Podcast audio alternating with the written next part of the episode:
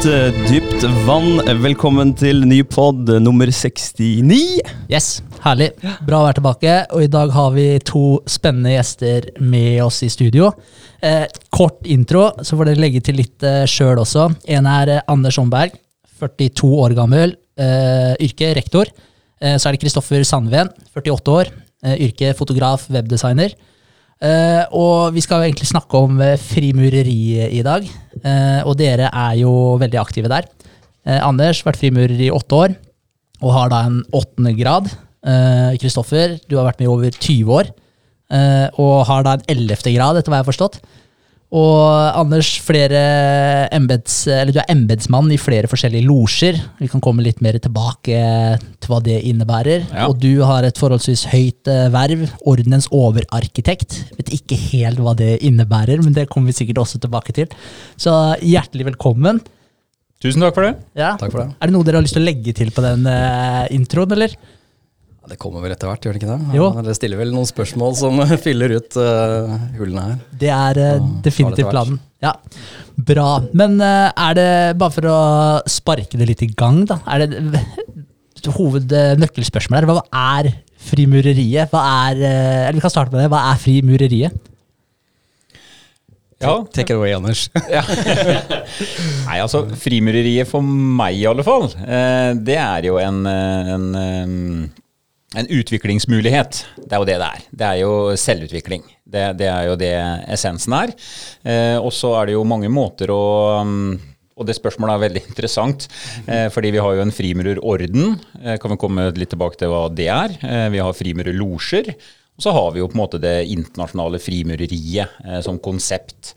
Så um, utgangspunktet er, og har vel alltid vært, eh, at det er en, eh, en setting hvor eh, menn arbeider på seg selv. Det er vel utgangspunktet. Så kan vi nok utdype det en del.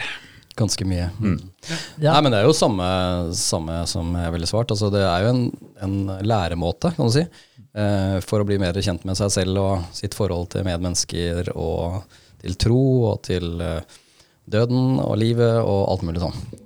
Så, men det er jo som eh, en, en jeg kjenner har sagt, han eh, sier at um, frimuriet er veldig mange forskjellige ting for veldig mange forskjellige mennesker. Så det er jo ikke ett svar på hva frimuriet er for noe. Men vi kan prøve å belyse det litt etter hvert. Ja. Så for dere to så er det, det har mye med selvutvikling å gjøre? Ja, det, er jo på en måte Det er jo essensen av det, og, det står jo i eh, Altså frimurer Den norske frimurorden har jo egne lover, Mm. og der er det, står det også beskrevet hva, formålet er. Eh, og det er jo å eh, arbeide på seg selv. Eh, det, er jo, eh, det er jo utgangspunktet. Eh, og så er det jo rammene og måten det her skjer på, som er veldig spesielt og ganske unikt for frimureri. Men det er jo i tillegg til det, så, så gir jo disse rammene muligheter for sosialt samhold. Eh, Det er jo på en måte en eh, fin mulighet eh, til å ha hva skal vi si, en, en fritidsaktivitet. da. Um, og så er det jo i varierende grad hvor mye tid man bruker på det. Hvis du vil, så kan du gå i losjen hver eneste kveld året rundt omtrent. Uh, eller du kanskje er i losjen én gang i måneden. Ehm, formålet er det samme, eh, men måten du gjør det på, eh, det er opp til hver enkelt. Eh, og så er det selvfølgelig forskjellige aspekter ved det å være frimurer. Eh, som sagt, noen er veldig opptatt av det sosiale. Noen er veldig opptatt av det rent rituelle, noen er veldig opptatt av det historiske aspektet rundt det, eh, og en kombinasjon. Så mm, frimureriet er veldig mye for veldig mange. Det er ikke det at frimureri er dette, og enten så passer du inn i det eller ikke. Eh, Det er et, det er et tilbud, det er en mulighet for eh, mange ulike mennesker eh, å kunne treffes og fokusere på det man selv har lyst til. Så mm, det er jo også ganske spennende å tenke på at der, eh, veldig mange av de menneskene man møter i Frimurerorden, ville du aldri ellers ha møtt. Eh, og det høres kanskje litt sånn rart ut, men når du blir tatt opp i første grad, eh, om du da er eh, 32 år og eh, på en måte har blitt tatt opp sammen med en på 63, så tenker du ikke på aldersforskjellen, fordi man begge er såkalte lærlinger. Eh, og det, det er litt sånn artig greie at i det øyeblikket du kommer inn i losjen, så er det en god del av de her ytre rammene som man ikke tenker over lenger.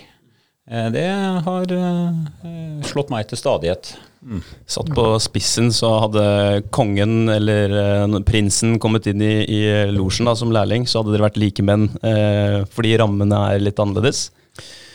Ja, altså Tradisjonelt så har det jo vært veldig mange kongelige i frimeriet, spesielt i det svenske systemet som vi følger. da. Eh, det heter det fordi at stormesteren var svensk, Det er dette systemet som vi bruker oppsto i, i, Sverige på 1750-tallet og framover.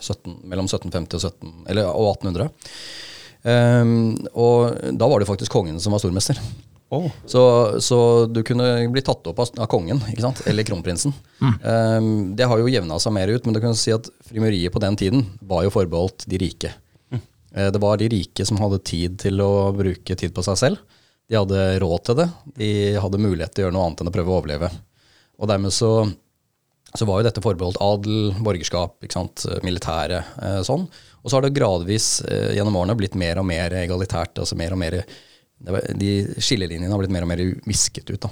I dag så er det jo ikke kongen i Sverige eh, stormester lenger. Eh, de har noen kongelige i Danmark bl.a. som er med. Um, I Norge har det ikke vært eh, kongelig stormester siden Oskar 2. Eh, gikk av i 1905. Ja. Etter det så har det vært altså, en borgerlig norsk eh, stormester. Så ja, eh, svaret på spørsmålet ditt er at eh, absolutt, vi, vi, eh, vi møtes på like fot. Mm. Si. Og, og kler oss likt. Nå har vi forskjellige gradsbånd og sånn, men det, det, kan vi sikkert komme tilbake til. Men det har bare med hvor langt i systemet du har kommet, altså hvor langt i prosessen i læremåten du har kommet. Mm. Det har ikke nødvendigvis noe med rang å gjøre. Nei, ikke sant. Ja. Men jeg la merke til Du kan på en måte være i Eh, en losje eller være, delta så mange dager, ganger eh, du vil. Eh, og, eller så få eh, ganger du vil. Men det blir vel som mye annet her i livet, da. Eh, innsats eh, gir som regel en eller annen form for reward. Så jo oftere man er i eh, losjene, deltar på møtene, så vil du kanskje, sånn som selvutvikling, få litt mer tilbake igjen, eller hva er tankene rundt det? Ja, det vil jeg absolutt si. Altså, jeg pleier å si til de nye som kommer, at uh, gå så ofte du kan. Uh, selvfølgelig innenfor rimelighetens grenser. Og har man førstegrad, så kan man gå på førstegradsmøter. Ja. Uh, uavhengig av hvor det er i landet. Så hvis jeg blir tatt opp i Oslo, så kan jeg gå i Hallen. Ja. I første grad. da er det de møtene åpne for meg. Men ikke annen grad, og ikke høyere grader. Mm. Får du annen grad, så kan du gå i første og annen grad, osv. Sånn at når Anders sier at du kan gå på losjemøte hver dag i uka, så, så, kan du det fra starten. Da er det litt mer kronglete, men etter hvert så kan du da i samme hus gå på møte i første grad, annen grad, tredje grad, fjerde, femte, sjette, sjuende, åttende, niende, tiende grad. I, ikke sant? I samme mm. huset. Bare avhengig av hvilken dag det er. Mm. Vi snakka litt om sånne strategispill og, og sånt uh, før vi starta på den. Og det blir jo litt eh, samme, da. Du unlocker uh, nye på en måte, leveler, og du får som tredje grad så kan du ta level tre og under. Ja. For da har du kommet opp dit. det er jo en li interessant Lite fireballs, da. Ja, lite fireballs. Eller det er en hemmelighet, da. Ja, det, vi kommer tilbake til de mytene der etterpå. Ja. Ja. Men, men sånn, bare sånn for kontekst, for folk som aldri har hørt om det. altså Losje, hva, hva, hva er en losje? Nei, altså i utgangspunktet, da, eh, hvis vi begynner i andre enden. Eh, det finnes eh, ordener. Den norske frimurerorden. Og det er en helt selvstendig, eh, frittstående orden som ikke svarer til noen eh, andre enn seg selv. Eh, og der begynner vi. Eh, og en orden har eh, provinsiallosjer under seg, altså det er egne regioner innenfor det geografiske området som ordenen dekker. Eh, og stort sett så er det én storlosje per land. Og så er det noen konkurrerende storlosjer i andre land, men i Norge så har vi bare Den norske frimurerorden. Eh, og så har du provinsiallosjer, og under de så har du igjen eh, type Stuart-losjer, og så har du Andreas, eller Sankt Andreas-losjer og Sankt Johannes-losjer, som er da spredt utover. Så den minste enheten, hvis vi kan kalle det det, det er Sankt Johannes-losjene. Og det fins det i stort sett i hver eneste by og litt større tettsteder eh, i Norge. Nå husker jeg ikke akkurat antallet, men det er kanskje noe sånn 65 eller noe sånt. Ja. 66, noe sånt ja. eh, og det er jo losjen du blir tatt opp i. Og dem, eh, Sankt Johannes-losjene, det er første, andre og tredje grad. Så det er liksom på en måte eh, moderlosjen din. Det er der du blir tatt opp. Eh, også etter hvert som man da eh, går oppover i gradene, eh, og som Kristoffer er inne på, eh, grader eh, Det syns også egentlig ganske fint å kalle det for kunnskapstrinn. Eh, for det er jo det det egentlig er. Det er jo ikke sånn at har du en bestemt grad, så kan du noe bestemt. Men det er en mulighet til å kunne noe. Så det er som du sier, er, du unlocker eh, skills, Ja. eh, forhåpentligvis. da. Ja. Eh, Så det er måten det er bygd opp på. Du, du blir med i din lokale losje. Og så er det en, eh, litt avhengig av hvor man er i landet, men sånn som i Østfold, så har Sarpsborg, Fredrikstad, Moss, Halden og Ski de samles da i de gradene som er fire, fem og seks i Moss. Da er det en Sankt eh, Andreas-losje. Og sånn fortsetter oppover til vi er i Oslo, i eh, kapitlet 8, 9 og 10 grad. Eller 7, 8, 9 og 10 grad. Så Jeg vet ikke om det var klargjørende, ja, men altså, man har en orden, og alle er medlem av ordenen. Og så har du uh, forskjellige nivåer på losjer, uh, avhengig av hvilken grad man har. Men eh, for de som, eh, hvis vi skal bryte det enda mer ned, da, eller eh, jeg vet, Når jeg har snakka om frimureriet og losjer, så er det mange som syns losje er et rart navn og begrep også. Kan dere forklare det, eller har dere noe synonym eller noe bilde på hva en losje hva det betyr? Så det er jo en, Du kan jo kalle det et lokallag, Ja. eh, hvis du skal ha det sånn organisasjonsmessig. En losje kommer jo fra altså, byggehyttene eh, til murerne. Lodge, Og-? Lodge, ikke Ja. sant? Så det, det er jo det det kommer av. Um, så har man liksom historisk sett gått fra det de kalte for operative murere, altså de som faktisk murte og bygget katedralene i Europa, til da de såkalt spekulative frimuri, hvor man da bruker symbolikk fra murervitenskapen og eh, bruker som symboler på selvutvikling. Eh, så det er bakgrunnen for at losjene eh, heter losjer. Og så kan det jo begynne i andre enden av det, av det Anders gjorde. Og det her er jo litt sånn typisk eksempel på hvordan man kan nettopp se frimuriet fra veldig mange forskjellige sider. Fordi det er ingenting galt i den beskrivelsen Anders ga. Men historisk sett så begynte man jo i andre enden. Da hadde man jo ikke noen storlosjer. Hadde man ikke noen provinsiallosjer, for da hadde man en liten gjeng med folk 10-15, kanskje færre også, som møttes på et vertshus, lukket døra, tegnet eh, rare symboler på gulvet og hadde ritualer sammen. Det var den minste enheten. Det var, det var uh, losjene, ikke sant, som oppsto på den måten. Og så etter hvert så ble det mer organisert, og det ble flere grader, og det ble liksom eh, ja, plutselig så vokste dette her, og så ble det organisert i forskjellige enheter. Og sånn vi gjør det i Norge, som Anders beskrev, det, det er annerledes fra hvordan de gjør det i England, f.eks. Ja.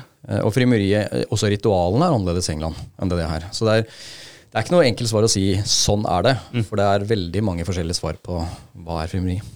Men, men hvordan eh, gikk det på en måte fra For vi snakker om murere da, og disse ja, lodgene. Hvordan gikk det derfra og så til adelen? Altså, hvordan, hva på en måte, hvordan ble det gapet Altså, det er litt forskjell på hvor du er hen. Altså, hvis du er i England, så det, har det ikke vært så Det, har jo vært, det har vært adel der, for at, eh, altså, er det hertugen av Kent som er vel stormester nå, tror jeg. Eh, men det, det begynte ikke nødvendigvis der. Mens i, i Skandinavia så har det jo kan si, kommet, altså Frimuriet har kommet fra England til Europa, Frankrike, ikke sant? og så via franske forbindelser til Sverige, opp til svensk adel, og dermed til kongehuset. Så altså, Hvordan disse tingene har skjedd helt nøyaktig, vet vi ikke. Her er det mange ting som har forsvunnet i historiens mørke, men, men allikevel, vi vet litt grann om det. da. Og, og det, som jeg sa i stad, det, er, det var de adelige og eh, de rike som kunne bruke tid på sånne ting som det her, og ikke minst hadde råd til å faktisk kjøpe disse ritualene, for det måtte de. De måtte kjøpe disse hemmelighetene fra forskjellige folk rundt i Europa. Og det, det var ikke billig. Det var liksom, Nå Da snakker vi titalls årslønner for en vanlig person eh, for å kjøpe sånne type ting, og, og få tilgang til denne, disse hemmelighetene. da. Og så eh, videreutviklet de det, oversatte det til svensk. I starten var det på fransk, faktisk, i, i Sverige. Eh, adelsspråket, altså kongelige, det, hva heter det, kongehusets språk på 1700-tallet, var jo fransk. Karl 13., som har laget vårt system, skrev jo alle sine eh, ting på fransk. Så ja, det er komplekst, men, men det er grunnen. Eh, og så har det etter hvert blitt spredt nedover til eh, sånne som oss. Vanlige folk. Men, det er også, det, for, for det er jo sånn altså Det moderne frimureri, hvis man kan bruke et ord som det, eh, det oppstår jo eh, i 1717. Nå, nå, er det mye usikkerhet knytta til det årstallet og prosessen rundt det. Eh, fordi jo lenger tilbake man kommer i tid, jo mer eh, i det uvisse blir man, naturlig nok. Eh, og det har også antagelig vært en villa, eh, kall politikk fra noen av de aller første eh, grunnleggerne av det moderne eh, frimureri. Fordi man vil jo gjerne at ting skal være så gammelt og autentisk som overhodet mulig. Eh, så vi vet rett og slett ikke nøyaktig hvordan det her har foregått. Men man bruker vel liksom 24.6.1717 som en sånn en startdato på det moderne frimureri. Men det som også er interessant, som Kristoffer var inne på i stad, det her med opp operative eh, murere versus det da som egentlig da blir spekulative frimurere, det er jo det at eh, vi tenker vel og tror at mange ganger så har kanskje disse her opprinnelige byggehyttene fått besøk av og tatt opp i seg medlemmer som er eh, prester, eh, arkitekter, eh, kanskje lokale bidragsytere. fordi det, det, disse eh, byggehyttene og det de gjorde, var jo at de var jo murere som bygde kirker rundt omkring i Europa. Mm. Så eh, jeg tenker nok også at antagelig så har kanskje mye av koblingen vært der, med at det går fra å være rene murerlaug, eh, som har sine ritualer og symboler knytta til det arbeidet de gjør, med hellig geometri og, og den type ting. Eh, og så har du liksom de rundt, da, med både penger, makt, posisjon osv. på den tiden, eh, fått innpass og kommet med. Eh, og så har det på en eller annen måte, som man ikke vet, eh, utvikla seg til det, kall det moderne frimureri. da. Det har jo elementer fra veldig mange forskjellige ting. Det er jo ikke bare disse murertingene. Det varierer fra system til system og fra grad til grad. Og det kan være altså innflytelse fra mange forskjellige tanke- eller si, religiøse og åndelige og filosofiske retninger da, som, som frimuriet har tatt opp i seg. Vi pleier noen ganger å si at frimuriet ikke har noen enkeltelementer som er unike, men sammensetningen er unik. Mm. Ok, ja, fordi hvis, uh, hvis man uh, gjør et uh, lite Google-search eller Wikipedia-search på frimureriet, så dukker det opp mange sånne litt store ord som man kanskje har minner fra et RLE og Eller KRL het det når jeg gikk på skolen, da. nå heter det sikkert RLE, så vidt jeg vet. Men, men da Der er det sånn esetoriske, gnosisisme, og litt sånne type ord som man kanskje ikke har så store forhold til, med mindre man er, er i enten ordenen eller er, er troende kristen. Um, er sånn, Må man ha mye kunnskap rundt det her for å, for å gjøre seg kjent i, i, ordenen? For å være et medlem? Nei, altså jeg kom jo inn som 28-åring og ikke konfirmert. Uh, kunne ikke noe særlig om uh, religion, eller Jeg hadde hatt kristendomsundervisning, som det het den gangen. Ja. Jeg er litt eldre enn dere. Så den eh, gangen så hadde vi det. Men eh, jeg fulgte ikke så godt med i de timene, for å si det sånn. Så, så jeg stilte ganske blank, for å være helt ærlig. Mm. Men for meg så har den vandringen gjennom frimuriets grader gjennom 20 år nå har gitt meg en måte å tilnærme meg den typen tanker, mm. altså åndelighet, religion, tro, tvil, ikke minst. Mm. Uh, en, det har gitt meg en måte å finne ut av det selv på. Uh, hvor det ikke er noen som trer noe nedover hodet på meg, men hvor jeg har faktisk jeg får tilgang til en del um, kunnskap. Det er en mulighet, som Anders sier. Uh, og det kan jeg bruke til det jeg vil. Ja. Og så er det, noen, det er jo noen rammer. Det er jo ikke sånn at alt er fritt. Det er jo, altså jeg har brukt et bilde noen ganger som at du har frimeriet er en, sånn som en bred og fin landevei. Der kan du vingle ganske mye fram og tilbake hvis du vil. Men så på hver side så er det en grøft og ute i den grøfta er det vann. Mm. Hvis du eh, plumper uti der, så blir du våt på beina. Altså da, er du ute og kjører. Så, så, lenge du holder deg på veien, innafor de rammene på en måte som er, som er, gitt, så er det ganske stort slingringsmonn. Mm. Og høyt under taket. Ja, så bra. Men eh, litt inne på det med å, for å bli medlem, da, hvilke kriterier er det som ligger til grunne? For det er jo visse, visse ja, kriterier som man må på en måte oppfylle, da, for det var litt det du var inne på også, André. Eh, hva, hva, hvem kan være med? Hva må være på plass for at man kan være med? Ja, det er jo um, Nå vet jeg at aldersgrensa har vel faktisk blitt senka litt akkurat nå nylig. Mm. Uh, så den er vel på, um, er på 21. 21. år. Den har vært på 24 i veldig lang tid. Ja. Mm. Uh, og så er det jo at man generelt bør ha et, et, på en måte et greit omdømme, ordna økonomi. Ikke fordi man skal ha ordna økonomi, men fordi det er noen økonomiske forpliktelser knytta til kontingenter, som ikke er noe større enn en vanlig forening. Eh, og så er det jo at man på en måte må ha et kristent utgangspunkt. Eh, det er jo Hele frimurersystemet bygger jo på en, en, en kristen kulturell tankegang. Eh, uten at det er noe krav til eh, særskilte eh, trosbekjennelser eller noen ideologi eller dogmer som, sånn, som ligger til grunn. men mer den Hva skal vi si? mer den ja, den, den, kristne, kulturelle fellesarven da, som, som, mye av i alle fall vestlig tankegang bygger på, den, den, ligger fjellstøtt under hele systemet. Um, og så er det vel eh, at man må jo ha noen faddere. Uh, eller man må ikke ha det, for nå kan man søke over nett. Uh, men selv om man søker over nett, så må man inn til intervjuer og, og, få på en måte noen som er faddere. Og faddersystemet baserer seg jo rett og slett på det at der, uh, noen på en måte skal kunne være dine hjelpere inn i ordenen. for det er jo basert på, på, um, på stor grad av tillit, sånt system, naturlig nok. Eh, men jeg vet ikke om noen kriterier jeg har glemt. Man må være mann. Ja, jeg skulle til å si det. Det, er, eh, det tar vi nesten som en selvfølge ja. når vi sitter her. Men, men, men, det er et kriterium, ja. Absolutt. Um, vi kan sikkert komme inn på det med kravet til kristen bekjennelse etter hvert. Um, men det er ganske romslig der òg. Ja. Så det er i bunn og grunn de kriteriene man har, ja. Mm. ja. Jeg, jeg, har jo, bare for å ta det litt kjapt, jeg har jo en, eh, en kollega som uh, har uh, mast litt på, på, meg. Så jeg har jo vært på sånn første, første møte, type in, intromøte, informasjonsmøte, her i Halden. Ja. Uh, og det jeg sitter igjen jeg, jo, jeg, jeg, er jo i prosessen. Uh, så nå har det vært covid i to år, som har gjort at prosessen har blitt veldig, veldig lang.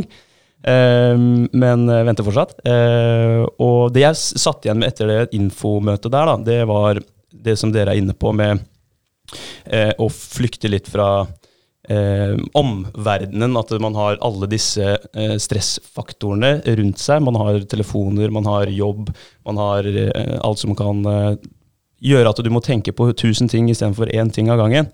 Ehm, det var på en måte det som trigga meg veldig til å, å søke. Eh, og, og, det med å hele tiden utvikle, utvikle, seg selv, det er jo mye av temaet for oss i Dypt vann også. Eh, det er jo det vi snakker om hver eneste uke. Eh, og menneskene du, du, møter der, er veldig, virker det som, veldig åpne. Jeg har kun vært på ett møte, så det er veldig vanskelig å, å ha mange referansepunkter der. Men, eh, så, så, det møtet ga meg et inntrykk av eh, ja, egentlig akkurat det dere forteller nå. At det er høyt under taket og, og veldig eh, viktig i dagens samfunn, hvor fokuset blir trukket eh, fra side til side hele tiden. Eh, og det tror jeg er viktig at vi klarer å legge fra oss litt andre ting. Eh, og peile inn eh, Jeg kaller det kikkerten, i og med at vi har så veldig mye som, eh, som skal ha oppmerksomheten vår på én ting av gangen. Og, og bruke hodet og, og snakke med med mennesker i virkelig liv. Litt sånn som uh, et langformat podkast. Istedenfor å lese et intervju hvor du leser det noen har sagt, og kunne tenkt seg om tusen ganger uh, før de uh, sier OK på printen. Men her er det ting som kommer opp fra både underbevisstheten og bevisstheten da, underveis, som er ekte. ja, det var egentlig et langt sånn, sammendrag av mitt første møte med, med ordenen. da. Kult. Ja, jeg må si jeg også, fordi jeg, jeg hadde, det var litt gøy. da. Altså, jeg, ble jo, jeg, ble jo, med i ordenen for tre, tre år siden. Eh, Vegard, du er jo ikke med. Men, med. Eh, og, men, det som var litt gøy da med Vegard, for jeg, jeg gikk en tur tilfeldigvis med Vegard sånn et par uker etterpå. Og jeg syns det var dritgøy, for det, det gjenspeiler kanskje litt eh, inntrykket folk har, eh, har, av hva fri, frimureriet er for noe. da. Eh, og det som var litt gøy, var at for vi hadde jo ikke snakka om det i det hele tatt. Eh, og jeg hadde egentlig ikke tenkt å si det er så mye om det heller. Jeg så ikke helt vitsen, egentlig. Eh, og så, men så, så, gikk vi bortover, og så Nå paraphraser jeg, for jeg husker ikke ordrett hva det var du sa. Ja, men, men, men, du snakka et eller annet om at det hadde vært eh, sjukt fett da, å vært med i en eller annen sånn derre ja, sånn der, Et eller annet sånn som Frimurerordenen eller et eller annet sånt her, da. Så sa du akkurat det, og da var det to uker siden jeg hadde hadde blitt med, og jeg syns det var dritgøy, da, for du, du snakka om det som om det var en sånn der eh, utdødd organisasjon som var eh, mange hundre år gammel, liksom. Så, så det var liksom sånn inntrykk jeg fikk. Og da, og da var det to uker siden typ, jeg hadde blitt tatt opp. Så sa jo jeg det til deg, at der, nei, men jeg, jeg ble faktisk tatt av deg for et par uker siden. Og det husker jeg var så sjukt lættis, for du nekta jo å tro på det, så jeg måtte faktisk vise deg sånn diplom som jeg hadde da, med, med underskrifta på, før du, før du, trodde på meg. Men, men det, er litt, eh, det er litt komisk, da, fordi det er så Det virker som at det er så Det inntrykket folk har av det rundt omkring, at det er så sinnssykt annerledes enn hvordan det faktisk er. Men det har vel kanskje mye med den hemmelighet, at det er litt hemmelighetsfullt, det med rit ritualene og sånn. At det da blir mye konspirasjoner rundt det. Jeg, jeg vet ikke. Ja, ja. Altså, jeg, jeg, får nesten sånn uh, National Treasure-vibe da, når jeg tenker frimur. Ser for meg store skattekamre og gamle skripter som uh, man kan finne da, i noen eldgamle biblioteker. da, ikke sant? Du skal være visst. Ja, ja. det, er, det, er, det jeg tenker òg. Jeg har mine teorier rundt der. Ja, ja. men uh, ja. Ja, men uh, sånn som for meg, da, som ikke er uh, frimurer Jeg har ikke vært på noe førstegangsintervju sånn som du har vært, André. Men uh, hvordan fungerer hele den fasen her, da? Altså fra du, fra du enten søker da, eller får en fadder, og fram til du blir faktisk tatt opp? Ja, det er jo som dere er inne på, det, det begynner jo egentlig med at en person som ønsker å bli frimurer, må spørre en han vet er frimurer og si at jeg ønsker å bli frimurer. Det er veldig viktig at vi, vi driver ikke med rekruttering i en sånn en Å selge inn det her som å overbevise folk om at du må bli med. Ja. Men det er klart at skal man i hele tatt komme i snakk om det, så må man jo kanskje si det da. At ja, jeg er frimurer. Dette bør, kanskje dette er noe for deg. Eh, men det er nok veldig viktig å påpeke at man må bli med i Frimurerordenen eh, av egen fri vilje, da, hvis jeg kan bruke et ord som det. Um, så det er, det er, det første utgangspunktet. Uh, man må ønske det, og man må søke det. Uh, og så er jo da uh, de som da er medlem, de er jo behjelpelige med hele prosessen. og det blir litt sånn teknisk hvordan hele den prosessen går, men, men det tar gjerne fra et halvt år pluss-minus i alle fall. med både søknadsskjemaer og litt intervjuer og, og litt forskjellig sånt. Um, men eh, det er jo der på en måte fadderne kommer inn i bildet, eh, for det er jo de som gjør den jobben. Um, men eh, jeg, liksom, jeg, er i hvert fall veldig, og jeg er fadder for mange, uh, og, og, jeg har vært veldig nøye med å understreke det hele tiden, at dette er noe du må ville. Uh, jeg kan fortelle om det, dere kan lese om det, men, men, du må ha et ønske om dette. Ja. Ellers så er det bare bortkasta tid. Så det, det, er i hvert fall et poeng som jeg syns er veldig viktig. Mm. Ja, den driven til å søke dette her, for det er det man gjør. Man søker etter noe. Man søker i seg selv og, og, og prøver å finne ut av hvem man selv er. Um, overfor andre mennesker osv. Så, videre. så den driven må komme fra deg. ikke sant? Um, prosessen kan jo ta ja, fra noen måneder, avhengig av hvor, mye, hvor mange de har i kø, til jeg venta et år. Så, så, da må man være litt tålmodig, men mm. Ja, du har et par år på ventelista du, André, så ja, det, er ikke noe tvil. Ja, ja, ikke noe tvil om tålmodigheten, men, eh, men det går fint, det. Jeg, jeg, har jo hatt eh, mye tid til å, til å tenke underveis, og om jeg fortsatt ønsker, og jeg har ikke lagt fra meg det jeg ønsker. Mm. Så, men jeg sitter jo med mange spørsmål, da. Jeg bare tar ett, eh, for dere var inne på det med uh, at det har forandra dere i løpet av den reisen da, på 11-20 år, 10 ja, 8 år. 8 år ja. um, kan dere komme på én ting hver uh, som på en måte har uh, ehm, endra dere? Et, et, uh, en ferdighet, en eller annen uh, egenskap, eller et eller annet ved dere selv da, som dere merker at har, har endra seg? Tenker Anders veldig her. Jeg, jeg kan ta, jeg kan ta, én ting som jeg, som føler selv, da. Nå får jo andre være eh, dommer over det, men jeg føler jeg har blitt mer tålmodig. Jeg føler at jeg klarer å se ting i, i, i litt lengre perspektiver. Eh, det føler jeg. Eh, ja, man skal ha trykk på ting, og man skal jobbe fortløpende. Men jeg har blitt rett og slett mer grunnleggende sett litt mer tålmodig. Um, det er vel en ting som jeg merker veldig sånn både ja, i alle situasjoner, da. Eh, Og alt det det å være tålmodig medfører, da. Kanskje litt mindre eh, aggressiv i visse situasjoner, at man senker skuldrene litt mer. Altså, det er mange sanne ting òg. men uten å foreta en hel sånn psykoanalyse av meg sjøl der, så, så, så i hvert fall det å, det å være, senke skuldrene, bli mer tålmodig, det, det merker jeg eh, at det arbeidet jeg har gjort, eh, har ført til. Det er jo alltid vanskelig å vite hva som har gitt de forskjellige endringene i livet. Jeg har jo gått gjennom litt forskjellig gjennom de, de 20 årene siden jeg ble medlem i Losjen. Eller ordenen. Men, men, eh, så det er vanskelig å si ok, hva er eh, resultatet av livet som sådan. Det å bli far, det å eh, gå gjennom skilsmisse, det å endre jobbsituasjon, flytte på meg, ikke sant, den type ting. Eller frimeriet. Eller en kombinasjon. Sannsynligvis en god blanding.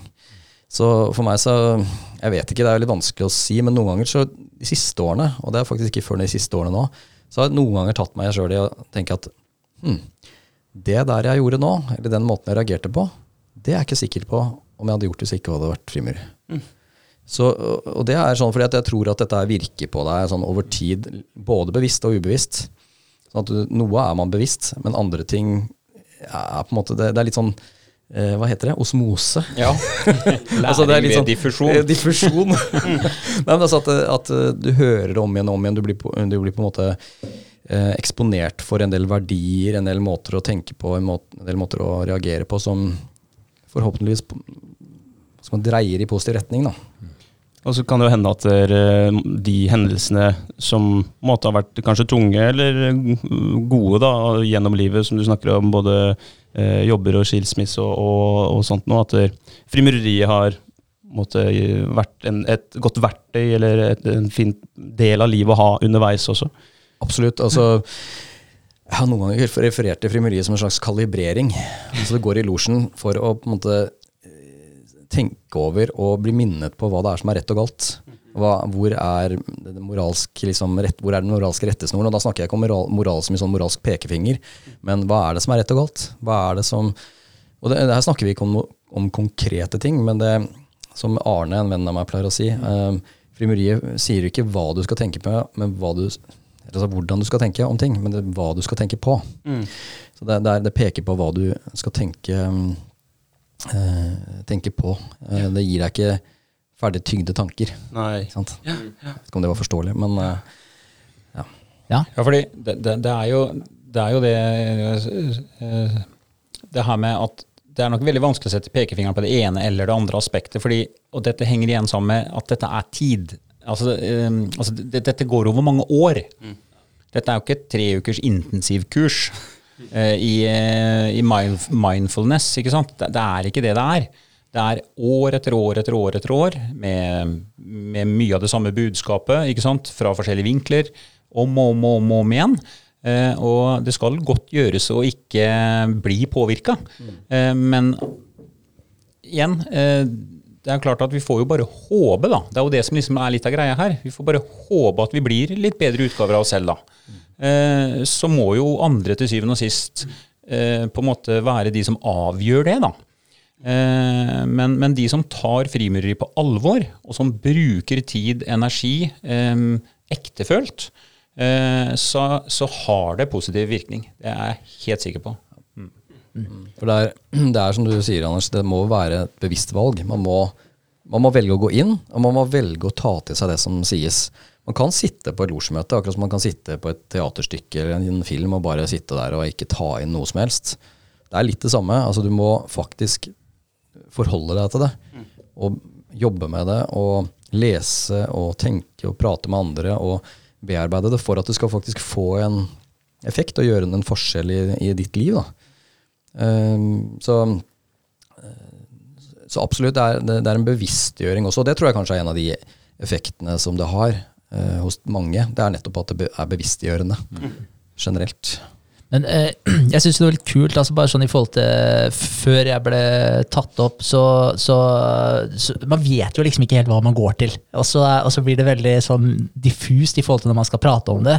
Fordi man kan liksom ikke si nøyaktig hva det innebærer, for det er jo ja, litt hemmelighet rundt det. Og, og jeg tenkte i starten så tenkte jeg at det blir kanskje vanskelig å holde ting hemmelig. Men det jeg syns var utrolig kult, var eh, opptaket. Eh, sånn, for den opplevelsen der, den er, den lagt opp på en så utrolig pedagogisk måte at der, du har ikke lyst til å fortelle noen om det, fordi du, tar, du, du frarøver dem egentlig hele opplevelsen. Og det jeg syns var utrolig kult med det opptaket også, var at det var en veldig eh, en ydmykende opplevelse, om jeg kan si det på den måten. En humbling experience. Altså, jeg ble mer ydmyk av den opplevelsen. Eh, og det at uh, fikk en liten sånn ego-check, og, og merka at liksom Shit, jeg har mye, mye jeg kan forbedre meg på. Jeg, jeg, har ikke kommet så langt som jeg tror i livet, og, og det var utrolig kult å få jeg, jeg digga det, å få den, i, få den i trynet, for jeg syns det var lagt opp på en sånn utrolig, utrolig kul måte. Uh, og, det, og, da jeg følte at det klikka med en gang etter det. At da var jeg litt sånn Ok, nå skjønner jeg mer hva det handler om, men da må man på en måte gjennom den for å, for å skjønne det. Så, så det syns jeg var uh, utrolig kult. Det sier mye om hvor, hvor gjennomtenkt uh, det er også. Det er, ikke, det er, ikke, random på noen som helst måte. Alt er liksom nøye, nøye gjennomtenkt. Det, ikke bare ja. gjennomtenkt, men også testet ut gjennom nå snart 275 år. Mm. Så det er klart, det, det, det, begynner å ha gått seg til. Ikke sant? Eh, men, men, du har jo opplevd noen flere grader òg, du? Ja, tre, da. Ja. Mm. Og hver grad har jo sine overraskelser. Så du vet jo ikke hva som kommer i neste grad. Det er jo hele poenget. Det er jo derfor vi holder ritualen hemmelig. Mm. Det er ikke fordi, altså det er flere grunner, men det ene er at man ikke skal bli fratatt uh, opplevelsen, som du sier. Uh, og så er det også det at hvis ting blir tatt ut av kontekst, det kan du jo tenke deg allerede med de gradene du har, hvis du tar ut noen av de tingene fra de gradene og så setter det helt for seg selv, så ser det veldig rart ut. Mm. Det blir veldig underlig. Ja, fordi når du sa ydmykende, Eh, så dukker det opp mange tanker hos folk, tenker jeg. At du hadde en ydmykende opplevelse. Ja, jeg tenker ikke at jeg var naken på alle fire. Nei, men det er nettopp det, da. Det er mange my my myter og rykter og sånt som ja. går uh, Har dere noen uh, eksempler? Har dere noen eksempler på de dummeste ryktene?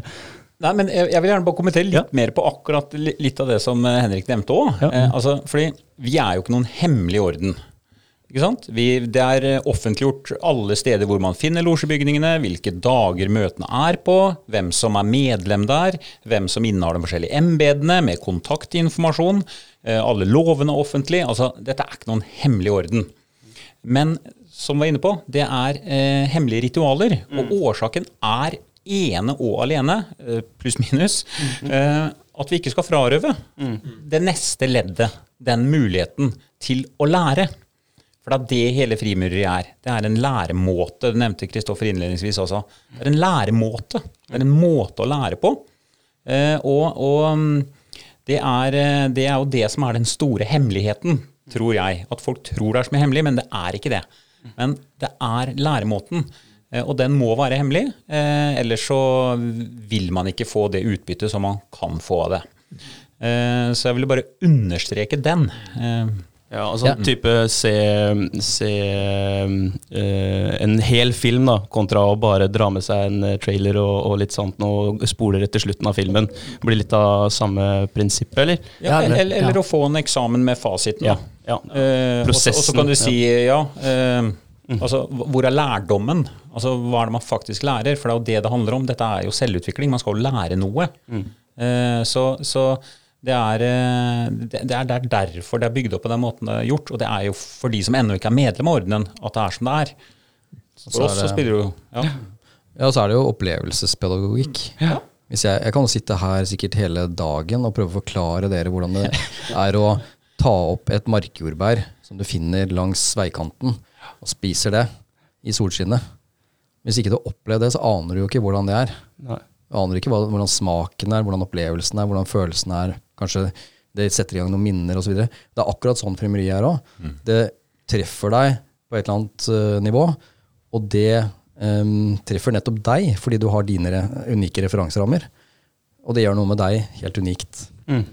Så, så det, er, det, er, det, er, derfor det, er helt umulig å egentlig å avsløre frimeriet. Fordi at det som er å avsløre, det finnes inni hver enkelt. Mm. mm. Veldig mange mennesker er opptatt av å nå, eh, eller få resultater kjapt og innebærer å ta ganske mange shortcuts. Så det er på en måte den prosessen man går glipp av. da. Si man eh, tar eh, en eller annen doping eh, hvis man driver en idrett. så mister man litt av den prosessen underveis. Eller om man får en million kroner istedenfor å jobbe for en million kroner.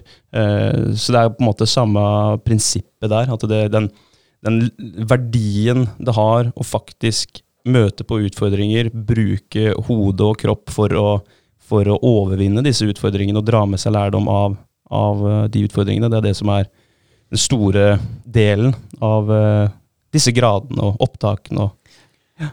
og så var det jo, Jeg, snakka om, om første grad, men, mm. men som Kristoffer nevnte, det er jo hver grad er jo en ny opplevelse. Ja. Eh, og um, det er jo klart at Når man er i losjen, så kommer man jo borti både dokumenter og, og ritualer og, og, ting og tang. Og er man med i embetsverket, som er på en måte de som er med og utfører de ulike oppgavene, så er det jo klart at man kommer alltid borti informasjon som er over den graden man har. Men det ville jo aldri falt meg inn eh, å sniktitte i det. Fordi da vil, jeg vet jo at jeg ville frarøva meg sjøl mm. en fin opplevelse senere. Eh, og, og, og, det er også liksom det er, jo, det er, jo, det det er. Det er jo ikke det at det er noe hemmelig jeg ønsker å Og nå skal jeg få vite det. Jeg, jeg vet jo at det kommer, mm. eh, og at det er en årsak til det er som det er. Og at den opplevelsen blir mye bedre og viktigere og større for meg eh, hvis jeg ikke har kjennskap til det. Eh, så, så, det er ikke bare første grad, det gjelder alle andre grader oppover også. Mm. Eh, så mm, jeg ble jo tatt opp nå eh, i åttende grad før eh, jul. Eh, og jeg gleda meg også som en unge. Ikke sant? Det, det, det, det var, var, like sterkt det eh, som for åtte år siden, for å si det på den måten. Eh, så, eh, så, det er også, også, noe som er veldig eh, fantastisk genialt med dette pedagogiske systemet. Da. Det at man klarer å holde trøkket oppe i, i 20 år, mm. for å si det sånn. Mm. ganske utrolig, altså. Mm. Ja, det er jo det.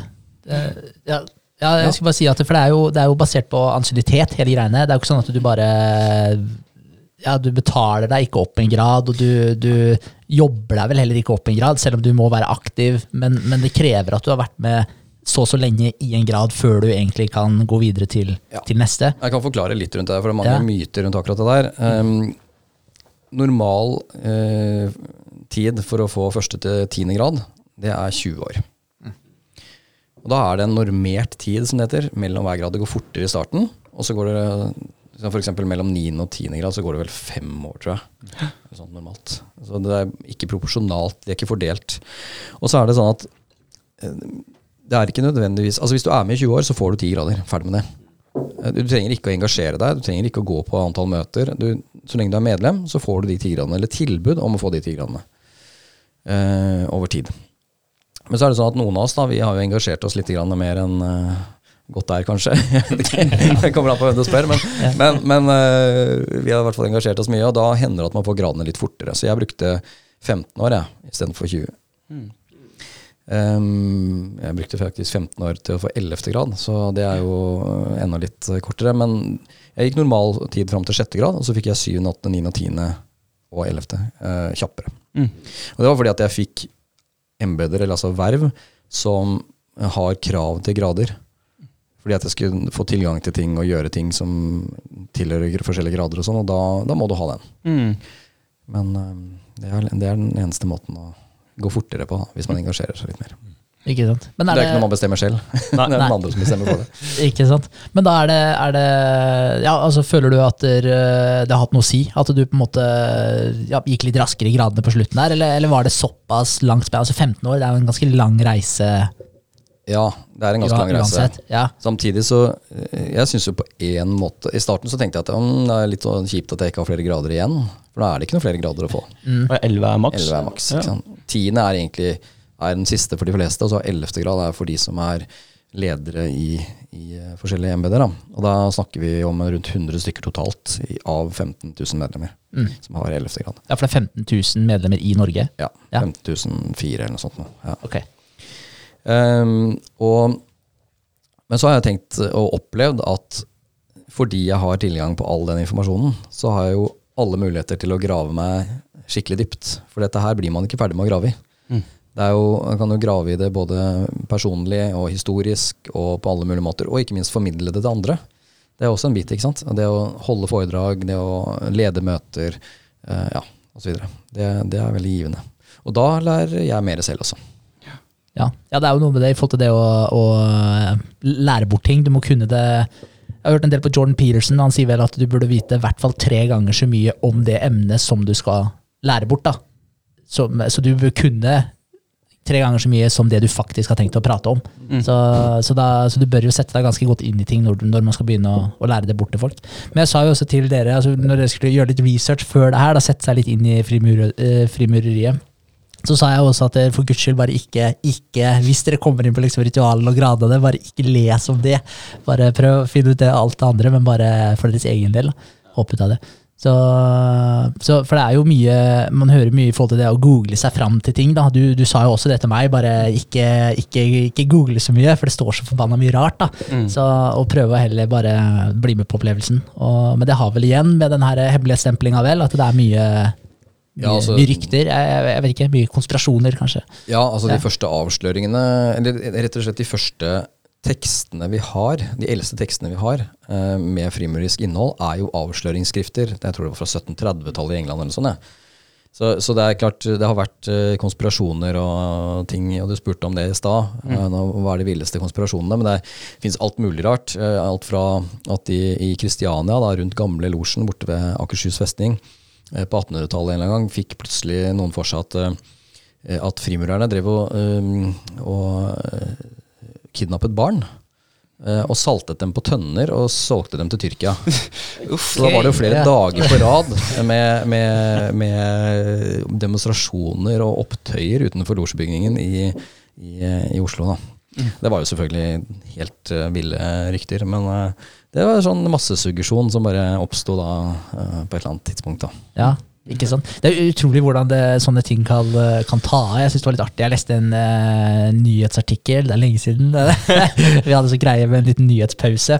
Men, uh, men uh, det var en stund siden da leste jeg en eh, nyhetsartikkel, og da var det en, eh, en som var forholdsvis høyt oppe i, i frimureriet. Eller høyt oppe, altså jeg vet ikke, han hadde sikkert en eh, tiende grad. da. Eh, men, eh, og han hadde blitt tatt for et eller annet. Det var en eller annen eh, Jeg er litt usikker om det var noe forgripelse eller et eller annet. Det var noe, ikke noe ålreite greier. Men da leste jeg det kommentarfeltet der. Det var ganske interessant, for da var jo jeg også med, da. Og da leste jeg alle de kommentarene om folk som hadde formeninger da, om hva frimureriet var. Og det var ganske hva skal jeg si, litt tragikomisk å lese, for det var så sinnssykt mye der som bare var sånn helt søkt. Men allikevel så er det folk som har mye av de meningene og de, eh, ja, det de tror om det. da.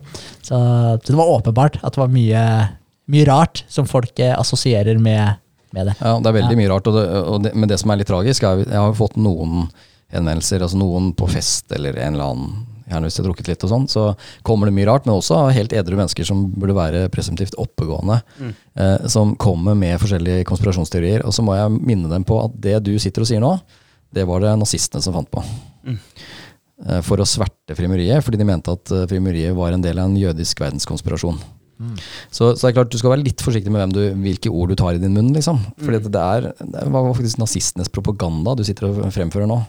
Så det, er liksom, det, det, og Sånn gjelder jo med mange konspirasjoner. Det, mange, det ligger en del agenda rundt uh, eller en del av disse tankene. da, Sånn som f.eks. svertingen av frimuriet. Uh, som har vært helt bevisst ikke sant, fra f.eks. nazistene. Uh, ja. Så Det er jo bare ett eksempel. Og så er det jo selvfølgelig den klassiske om at vi prøver å styre samfunnet. Mm. At vi prøver å påvirke politikk og, at, eh, og næringsliv, og, og at vi sitter og rotter oss sammen og for, planlegger hva som skal skje neste år og sånn. Eh, på Stortinget, f.eks. Eh, ja. Men det er jo som du også har sagt tidligere, at der, vi har mer enn nok med å organisere oss selv. Om ikke vi skal organisere andre. Eh, For det er jo, det er jo 2000-3000 møter i året som skal organiseres. Ja. Det er en kjempestor organisasjon med masse dugnad, frivillig arbeid eh, eh, som legges ned. Eh, og jeg tror eh, det tar mer enn nok av all den tiden vi har til rådighet ved siden av jobb, for å si det sånn. Vi har mer enn nok med å som du sier, organisere oss selv og finne ut av hva vi skal ha til middag, og vi skal, hvordan, hvem som skal gjøre hvilke oppgaver. Så, så det, det er ikke noen tvil om det. Men um, ja øhm, Når det er sagt, så er det litt viktig å påpeke at Frimurordenen har jo ikke noen agenda, samfunnsmessig agenda. Frimurorden prøver jo ikke å påvirke samfunnet. Har jo ikke noen, noen målretting eh, med tanke på ja, vi skal bedre samfunnet, eller vi skal gjøre sånn eller sånn. Men eh, frimuriet, eh, prøver jo å påvirke menn i en retning hvor de blir bedre mennesker. Eh, tryggere, mer eh, selvsikre eller selvbevisste. Eh, bedre ektemenn, eh, kolleger osv. Og, det vil jo i, i neste omgang påvirke samfunnet positivt.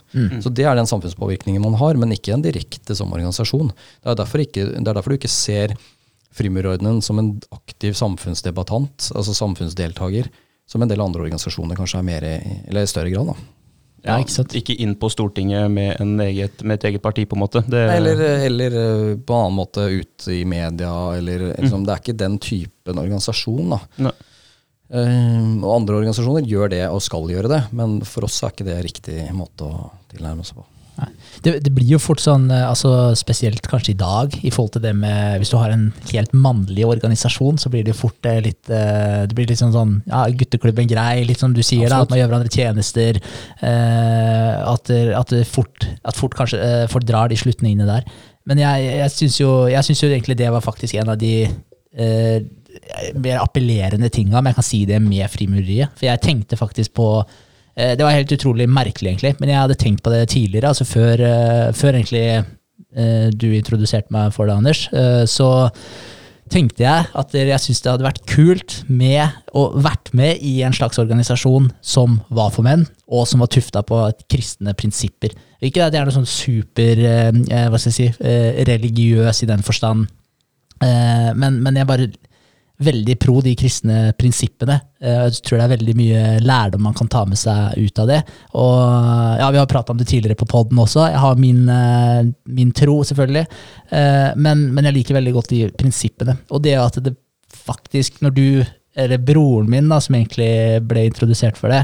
Så, så når det her dukka opp, så ble jeg egentlig ganske forundra, for jeg syntes det var så kult, for det traff så sinnssykt på det jeg på en måte hadde sett for meg. Eh, og grunnen til at jeg eh, tenkte det, at jeg syns det hadde vært eh, kult med en mannlig organisasjon, det er at jeg føler at det blir litt sånn i dag så er det, det er nesten ikke greit når noe bare er for menn, fordi eh, jeg føler at den der eh, feminismebølja, da, at den har kanskje eh, no, på noen områder gått litt for langt. Og da er det sånn, eh, Et godt eksempel er det var en kino i Bergen for sikkert, eh, ja, er sikkert fire år siden nå. Da Eh, og da, det, da kalte de det for en mannekveld, da, for da var det Fast and the Furious med pølser og, pølser og Fast and the Furious. liksom. Og det var ikke sånn at kvinner ikke fikk lov å delta, men det var bare at akkurat den aftenen der kalte de for en manneaften. Da ble det demonstrasjoner, og det endte med at de måtte ta vekk hele konseptet og bare rett og slett ikke kalle det for mannekvelden. Eh, og det, og det, jeg syns jo det er litt synd da, at man skal liksom komme på det nivået. Veldig pro den likestillingsbiten, men det blir jo ikke riktig når det på en måte ikke skal lenger være lov å ha egne mannegreier, for å si det på den måten. da. Eh, og det syns jeg også var litt sånn eh, Jeg syns det var litt kult med Frimureriet, at der er det, det er en organisasjon bare for menn. Og jeg syns det på en måte var et litt friskt pust, selv om sikkert mange ikke syns det.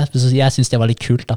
For da følte jeg at der, her er det faktisk én organisasjon hvor eh, ja, hvor menn kan ha ikke, ikke, Jeg vet ikke om det er riktig å si sin greie, men i hvert fall sin organisasjon. Og det syns jeg er helt ok, på lik linje som at det finnes mange kvinnelige organisasjon, eh, organisasjoner der ute. Og det er selvfølgelig også et tommel opp. Men, eh, men, det, ja, men det var litt morsomt, egentlig. At, for jeg hadde tenkt som sagt akkurat på det her i forkant, og så dukka, dukka det opp. Eh, så det var litt av et eh, sammentreff, da. Ja. Nå er det jo historisk eh, begrunnet at eh, det er bare menn i frimurorden. da.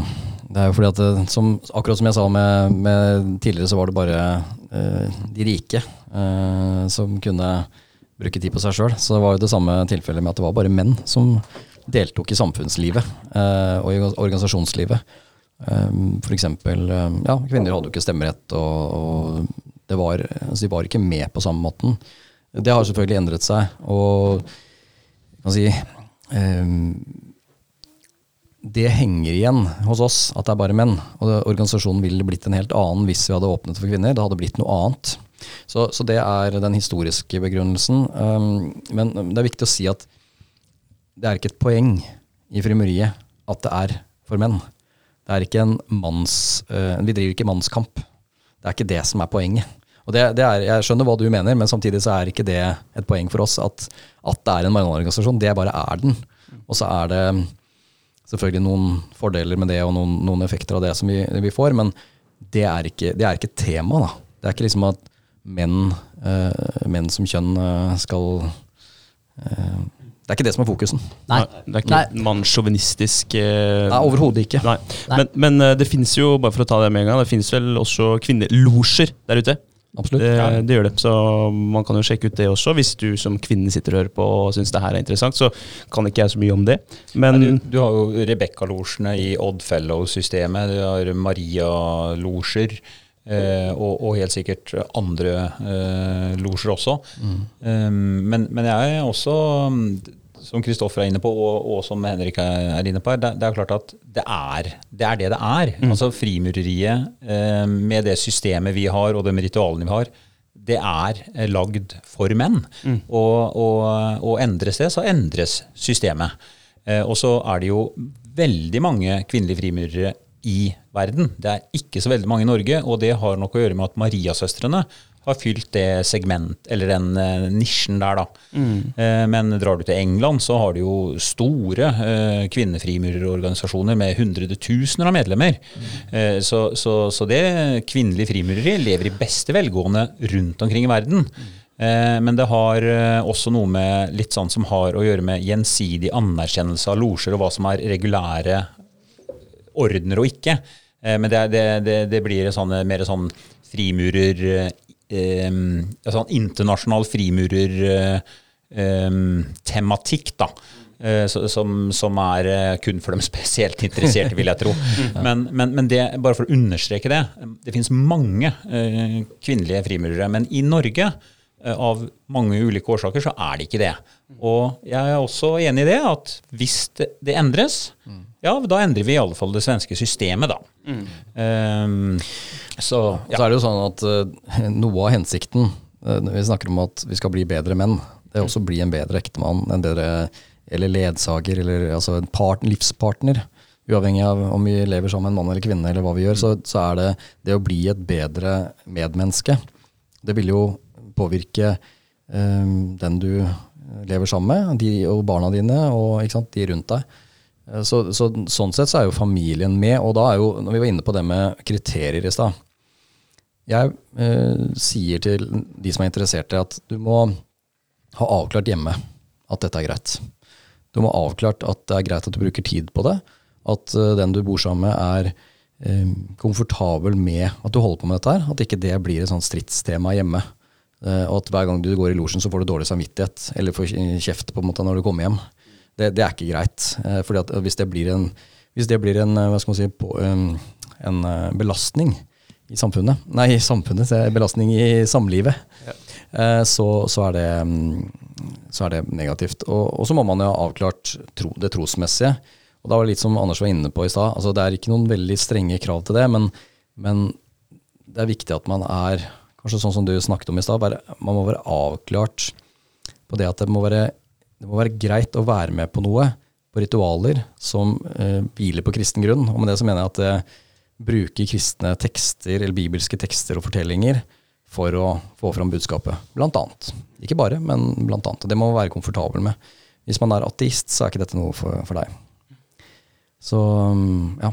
Men det der med å avklare hjemme, det er kjempeviktig. For det, det skal gagne familien, og ikke motsatt. Ja, men det er, det er veldig godt poeng det du sier der òg, og, og bare det med at man, eh, det handler om å bli et bedre medmenneske. Eh, For en kul måte å se det på er at man er en eh, node i et nettverk, og i løpet av livet så kjenner du ca. 1000 personer da, som du på en måte blir kjent med til en viss grad, som du kan ha en eller annen eh, påvirkning på, eller de kan ha en eller annen påvirkning på deg. Ca. 1000 mennesker. Og det betyr jo at du er én person unna en million, og det betyr at du er to personer unna en milliard. Og så vil- selvfølgelig vil det være mye overlappinger her, da, med at man kjenner de samme folka osv. Six degrees of separation. Ja. Ja. Så, så, så det er liksom sånn, så den derre ripple-effekten, da, bare med at der, altså, ikke jeg, jeg liker jo veldig godt den, mye av det Jordan Peterson sier, og han snakker om det med at du rydder rommet ditt før du prøver å forandre verden. Altså hvis du, hvis du ikke har kontroll hjemme, da, innad, så ikke, ikke prøv å fikse det der ute, hvis du ikke engang klarer å holde kontroll på det som er her inne. Og, og det er jo litt inne på det samme det om at du skal bli en bedre person, og på den måten så kan du være et bedre element i samfunnet, eller innad i familien din, som igjen i nabolaget, i byen din, i samfunnet ditt. Og det, det starter med deg sjøl, og, det- og det er også veldig viktig å få fram, så det gagner alle, enten om det er en, eh, en mannlig organisasjon, kvinnelig organisasjon, spiller egentlig ingen rolle. og Til syvende og sist er det handler om at individet forbedrer seg, da, og på den måten så blir det et bedre samfunn for alle. Bare, bare også tenke på det her med altså Det er jo et, det er jo et broderskap. Eh, og man kunne gjerne kalt det for eh, medmenneskeskap for den sakens skyld. Mm. men men jeg syns jo også, du nevnte jeg så vidt i stad at man treffer veldig mange mennesker man ellers aldri ville ha truffet. Og det der å, å ha et et samlingspunkt som, som egentlig for mange handler bare om å være til stede for andre òg. Helt vanlig, og det, det, og det handler jo igjen om trygghet. Eh, og jeg tror eh, at i en sånn setting så blir mange mer trygge hvis det er eh, i, en, i, en, i en setting hvor det er menn, hvor menn kan være sammen med menn på en måte de kanskje ikke har mulighet til ellers i samfunnet. Hvor det går an å på en måte kanskje være, tillate seg selv å være litt mer sårbar. For det er klart at der, og det her går litt inn på det dere snakka om i stad, med typ sånn konspirasjonsteorier og sånt. Men jeg skal love dere det, at eh, iallfall på de hundrevis av møtene jeg har vært på, ingen gidder å snakke om jobb. Man er så lei jobb. Man går jo i losjen for å sl slippe å snakke om jobb. Skal ikke sitte der og gjøre businessavtaler. Det er ingen som gjør. Det er, det er helt uinteressant. Man er der for å snakke. Går det bra med, med, med dattera di hjemme? Jeg hørte det var litt problemer på skolen. Og, sånn, og, sånn, og sånn. Det er mer den derre at man faktisk er venner og snakker med hverandre etter middagen og det rituelle er overstått. Så man skal ikke undervurdere det aspektet der. Det er kjempeviktig for mange menn å ha en arena hvor man kan være og gjøre de tinga der. Eh, og det betyr veldig mye, altså. For mange. Så endrer jo det behovet seg i løpet av livet òg. Eh, gjennom de 20 årene jeg har vært med, så har jo frimuriet dekket forskjellige behov. Eh, det endrer seg jo avhengig av hvor man er i livet, om man har små barn eller voksne barn, eller eh, jobber mye eller jobber mindre, eller bor i en storby eller en liten by, eller ikke sant. Det er, er gift, er ikke gift, osv. Det, det vil ha forskjellig eh, nytteverdi, da, avhengig av hvor, hvor man er i livet. Men, men eh, litt sånn for å forstå hvordan eller hva, hva vi gjør, så kan det kanskje være nyttig å se litt på hva en, hva en losjekveld inneholder. Du har jo opplevd det. Ja. Men um, det, er altså, det er litt sånn fordi at eh, Nei, vi sitter ikke og prater om Vi sitter ikke i ring og snakker om uh, hvordan næringsutviklingen i Halden skal være, liksom. Skjønner du? Det er ikke sånn. Altså, man kommer til losjen, tar seg en kaffekopp eller sånn. Hvis man er litt tidlig ute, så begynner gjerne møtene halv sju. Så går man inn i et losjerom hvor det er et rituale. Og det ritualet varer stort sett i to timer. Og da er det en del mennesker som er engasjert i embetsverket, som da har roller og gjennomfører ritualet. Og så er de aller fleste de er passive tilskuere. Eller passive er jo kanskje litt feil å si, men de er i hvert fall tilskuere som ikke har noen oppgaver eh, i det ritualet. Så blir man i varierende grad involvert i ritualet i de forskjellige gradene, men, men eh, som, som eh, tilskuer, da. Men de fleste sitter jo bare da og ser på, og sier ikke et eneste ord i løpet av de to timene. Og, og så er det da en eller flere som blir tatt opp i den graden, som får den graden. Og så opplever de det, men så gjenopplever de som sitter og ser på, sin egen opptagelse. Og får dermed en ny opplevelse av hva de har vært gjennom tidligere. Og øh, det er litt sånn at selv om ritualet er det samme hver gang, så er jo ikke jeg den samme hver gang. Så hver gang jeg kommer i losjen, så er jeg jo en ny person. For da er det opp, har jeg opplevd forskjellige ting. Kanskje jeg går i første grad en uh, uke, og så går jeg i sjuende grad en annen uke, og så går jeg i første grad igjen, og så å ja, men nå var jeg i syvende grad, eller opplevde opplevd noe i livet mitt, og så ser jeg første grad på en annen måte igjen. Så, så det er liksom Det er ikke statisk, dette her. Selv om ritualene, og det har du kanskje opplevd, at ritualene er jo det samme hver gang. Så er det noen elementer som endres. Men, men, uh, og så når man er ferdig med ritualet, så går man og skifter litt. Eh, tar på seg litt eh, mindre formelle ting, og så eh, går man og spiser. Så er det taffel, som vi kaller det, altså en middag.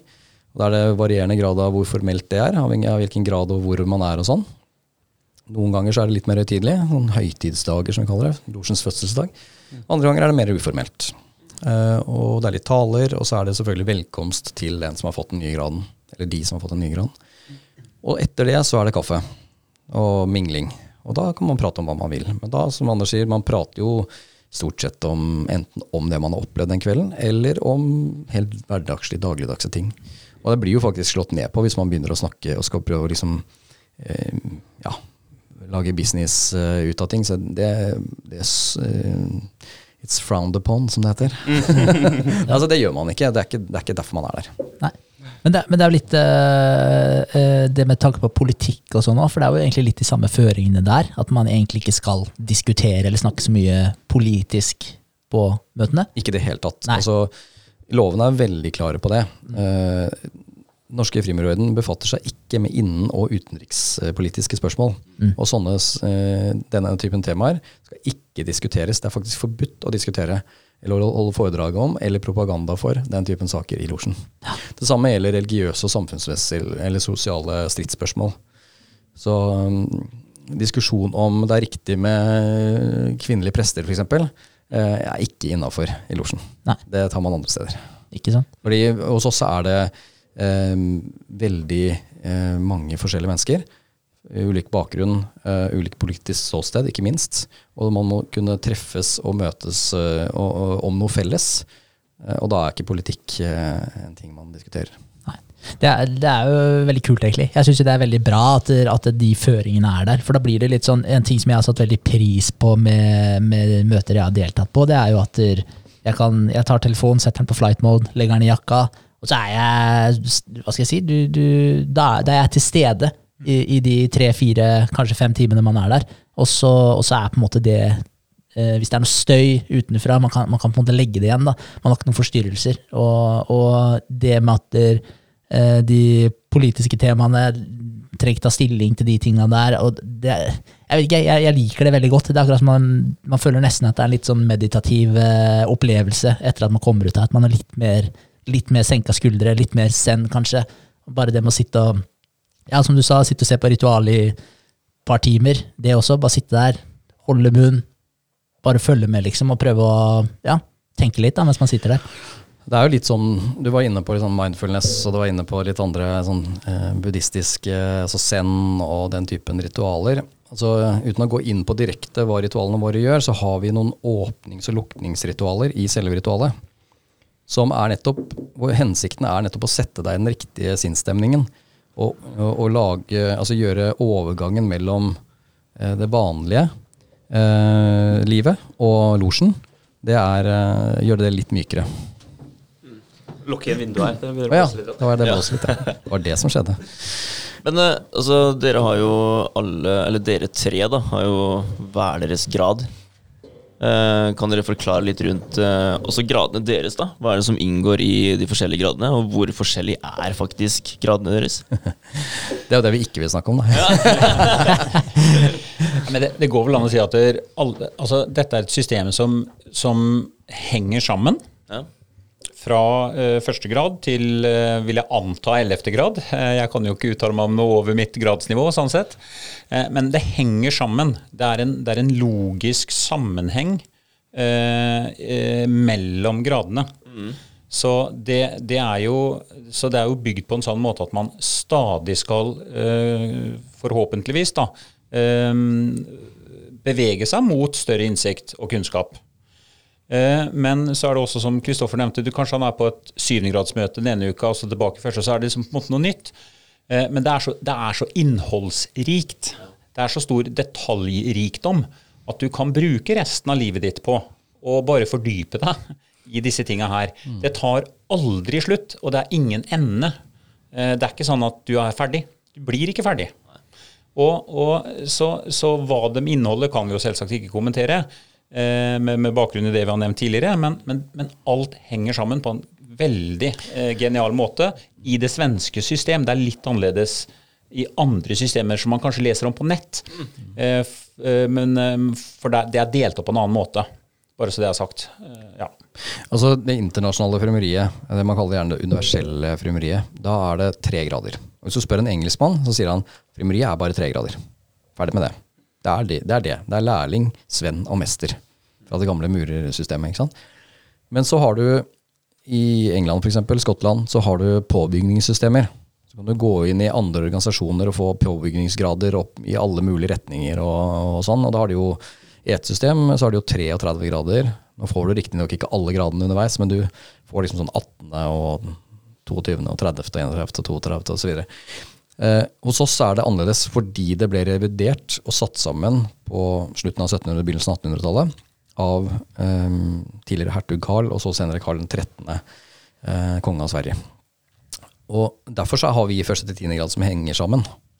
Men når det er sagt, da, så er det jo litt sånn avhengig av hvordan du ser det. Fordi du har har kort den ledningen der, bare. sånn, sorry. Um,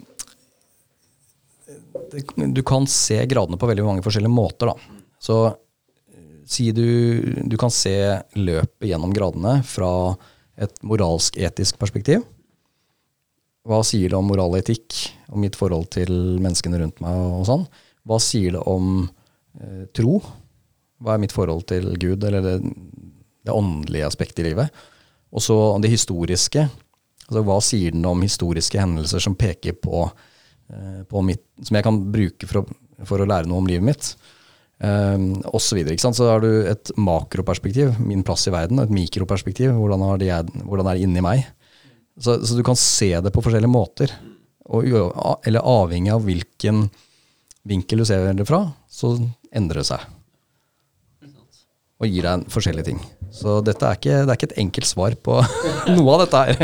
Jeg føler det er veldig, veldig lite svart-hvitt. Det, liksom, ja. Eh, det, er mye som, eh, som må, man må ta måte, i betraktning og hensyn til. Eh, jeg ser for meg at når du opplever en grad, så bygger du en bro eh, oppi hodet ditt. Eh, det er sånn når du tar, lærer deg en ny ferdighet eller tar en repetisjon av en eller annen eh, øvelse, så blir du litt bedre i den øvelsen. Og så er det mange ting i livet ditt som påvirker deg. Så de forskjellige synapsene eh, Du får flere broer, andre broer, eh, og så mange erfaringer i livet. Og så kommer en ny grad. Så opplever du på en måte den samme broen en gang til, men med nye omgivelser, nye erfaringer. At du det høres ut som det er ganske mye likt, men du har forandra deg, så ting vil oppleves annerledes uansett. Ja. Jeg tror Den største utfordringen mange ser eller opplever, og jeg gjorde det også, det, var, det er å se sammenhengene. Mm. Fordi når man kommer inn, jeg vet ikke om du har opplevd det, men, men når du har fått de første tre gradene, så er det det er veldig mange forskjellige ting å forholde seg til. Det er masse symboler, det er masse tekster, det er masse hendelser og ritual, rituelle handlinger som man må forholde seg til. Og så skjønner man ikke helt nødvendigvis ja, men hva i all verden har dette med meg å gjøre? Og hva har dette med hverandre å gjøre? Og den sammenhengen blir ikke nødvendigvis klar før man har gått en stund. Og Derfor er det vanskelig noen ganger å snakke om frimuriet. Du nevnte i stad at uh, du hadde ikke sagt noe om at du ble frimurer, men for meg så er det litt sånn at uh, det er vanskelig å beskrive dette her på en god måte før det har gått litt tid og fått det ordentlig inn under huden. Jeg tror ikke jeg hadde jeg tror jeg hadde åttende grad eller noe sånt, før jeg begynte å snakke med vennene mine om dette her. Mm. Uh, de visste at jeg var med, men jeg snakket liksom ikke om det. For jeg følte ikke at jeg hadde ordforrådet eller liksom forstått nok av det til å kunne forklare det på en god måte. Uh, nå håper jeg at jeg kan forklare det på en litt bedre måte, men, men den, de sammenhengene er ikke så lett å se i begynnelsen. For da er man veldig innsausa i enkeltheter. Altså sånn Ja, men det symbolet der, eller den, det de sier der, det ordet der, eller den setningen. Og så greier man ikke helt å se hva disse har med hverandre å gjøre. da. Ja. Det er utfordringen vår, for å, bare for å ha sagt det til slutt. altså det, det er utfordringen vår som prøver å kommunisere dette og formidle det. Det er jo å nettopp peke på de sammenhengene, sånn at det blir relevant for hver enkelts liv her og nå. For det, Hvis ikke, så blir det jo bare noe sånn en anakronisme, noe rart vi sitter og ser på, og så går vi hjem. Og så har det ikke hatt noen påvirkning på livet. Men det skal jo være høyaktuelt her og nå i det livet som jeg lever. Selv om det er 250 år gammelt. Ikke sant. Men du, du sa, eller du sa, Berger, før vi uh, starta i dag, at Kristoffer uh, var talsmann, uh, arkitekt var det Ja, hva, hva, ja ordenens overarkitekt. Ja, overarkitekt, kan du uh, bare forklare det? Vi har jo veldig mange rare titler, det må jeg bare si. Vi har veldig mange sånne gamle titler. Og ordenens overarkitekt er egentlig et annet ord på informasjonssjef. Uh, det hørtes mye kulere ut nå. Ja, det er veldig mye kulere. Jeg det. Det kom veldig lite om bygningsmasse, men, uh, men det er da en gammel tittel. Så kan si ordensledelsen da, med stormesteren på toppen, og det vi kaller de ni mestere, har forskjellige sånne titler som stormesterens prokurator og ordenens administrator og osv. Så, så Det er, det er gamle titler, og det er veldig mye eh, i ordenen som kan ved første øyekast eh, virke litt sånn snodig. Bånd og prydelser og forskjellige dilldall som vi har på oss. Eh, og det kan virke veldig sånn pompøst. Men igjen, da, hvis man forstår betydningen av det, forstår hensikten med det, og hva det skal symbolisere, og hva det skal lære deg, da, da er det ikke lenger pompøst og tullete. Det samme som i media, da, så har noen f.eks. politikere blitt uh, latterliggjort fordi at de har en eller annen tittel i frimeriet. Han har åttende grad, da er han den og den tittelen. Så blir det liksom latterliggjort litt. Men igjen da, så er det tatt ut av en sammenheng, og man forstår ikke hvorfor. Man forstår ikke konteksten. Men den personen som har den tittelen, har jo fått den, og det minner personen om noe han har opplevd i den graden. Og en kunnskap som han har blitt tildelt. da. Så, så, det er ikke noe verre enn det. Men igjen, tatt ut av sin sammenheng, så blir det ja, Vi beveger oss veldig sånn på kanten mellom det komiske og det verdige i enkelte sammenhenger. Og Det er bare å innse. Det er, det er en gammel greie som i noen sammenhenger virker litt gammeldags. Ja, skal, det lever vi med. Ja, for du skal ha på deg en spesiell eh, outfit. Eh, kan dere forklare hvorfor og betydningen av, av den? Hvorfor man skal det? Hva er eh, historien? Ja, i, i utgangspunktet så er det to, to grunnbekledninger. Du har en galla, kjole og hvitt. Det er til høytidelighet. Eh, og så har du på en måte kall det daglig losjantrekk, som er sort, sort dress. Eh, og litt av årsaken her er jo nettopp at det ikke skal være masse kall det ytre tegn på status og den type ting. Det er jo den likhetstanken som ligger til grunn for at man kler seg likt. Men som Kristoffer er inne på, man har jo ulike, eh, ulike eh, titler, ansvarsområder osv. internt i ordenen. Og det viser man jo ved hjelp av forskjellige prydelser. Eh, og så er det noe eh, som man gjerne egentlig kan kalle rituell bekledning, som symboliserer eh, ting som er knytta opp mot den graden man har. Eh, så det er egentlig rett og slett eh, enten så er du i finstasen eller arbeidsdressen. Eh, og så ulike bekledninger, da. Mm. Og de, de, rituelle um, bekledningene kan være f.eks. bånd ja. med symboler som viser hvilken rolle du har i graden. Hvis du er taler, eller om du er som vi kaller ordførende mester, som er lederen. ikke sant? Eller, eh, så, så, har du en prydelse, som det heter, som, som, har et symbol som viser for alle at det er, det er det du er den kvelden. Så, men, men, eh, du sa kjole og hvitt. Jeg må korrigere deg litt. Ja. Det er kjole og sort. det, det er det, og det er et poeng, fordi det er, det er sort vest. Og det er tjenerens eh, ja. bekledning. Dvs. Si at vi skal være hverandres tjenere. Mm. Så det er, eh, det er, jo det er jo sånt uh, Ja, selv, selv Du snakket om dette med likhet i stad, om vi kunne møte kongen. Men én ting som var annerledes før, var jo at man Noen hadde jo med seg tjeneren sin. Så tjeneren ble tatt opp samtidig med herren, på en måte. Og de gikk i losjen sammen. Nå skal det jo sies at på et tidspunkt, og det har jo du eh, forska på, eh, Anders, som mm. skal ha foredrag om snart, det er jo at det var såkalt tjenende brødre. Dvs. Si altså brødre som var tjenere i det alminnelige, det alminnelige samfunnet. Og som da ble tatt opp etter spesielle ritualer som var litt enklere enn det de liksom, ordentlige medlemmene fikk. da. Mm. Så det var jo en helt annen type klasseskille før mm. i samfunnet og i losjen. Og det har blitt jevnet mye mer ut etter hvert. I dag har vi jo ikke den typen ting i det hele tatt. Og jeg tenker at det er jo kanskje virkelig en av, av frimureriets eh, styrker, er jo at man har verna om ritualet. For det er mer eller mindre ordrett eh, sånn i dag som det var for 230 år siden. Det er ganske utrolig å tenke på i en sånn kulturell kontekst. da. At altså, det er uforandra. Eh, en person som ble tatt opp i, i, i 1816 ville eh, på en måte oppleve det samme som Henrik opplevde for et par år siden. Og det, det, er styrken til frimureri. Det er at man har ikke endra eh, Det er klart det har vært endringer, men det er mer av sånn type språklig art og litt sånne ting som det. Og noen helt naturlige tilpasninger. Eh, men jeg ser jo på det som en, kanskje en av de virkelig store, skjulte skattene i norsk kulturliv, ja, på mange måter. Ja. dette, disse ritualene.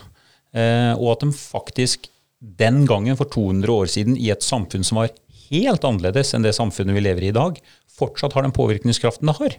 Så det sier litt om hvor, mye, hvor verdifullt frimureri er, når det fortsatt kan ha den påvirkningskraften det har. Eh, og det må vi verne om. Det er jo oppgaven bl.a. til eh, ordenens ledere eh, å ta vare på det som har blitt overlevert til dem, sånn at det blir overlevert til neste generasjon frimurere igjen. Ja, fordi vi, vi, er jo bare forvaltere av en tradisjon. Så vi, vi må, men vi som har samtidig ansvaret for å sørge for at organisasjonen og det, altså all administrasjonen av frimeriet er i tiden. Mens vi sier at uh, altså vi har et slagord som heter 'tidløs og i tiden', eller 'tidløs i tiden'.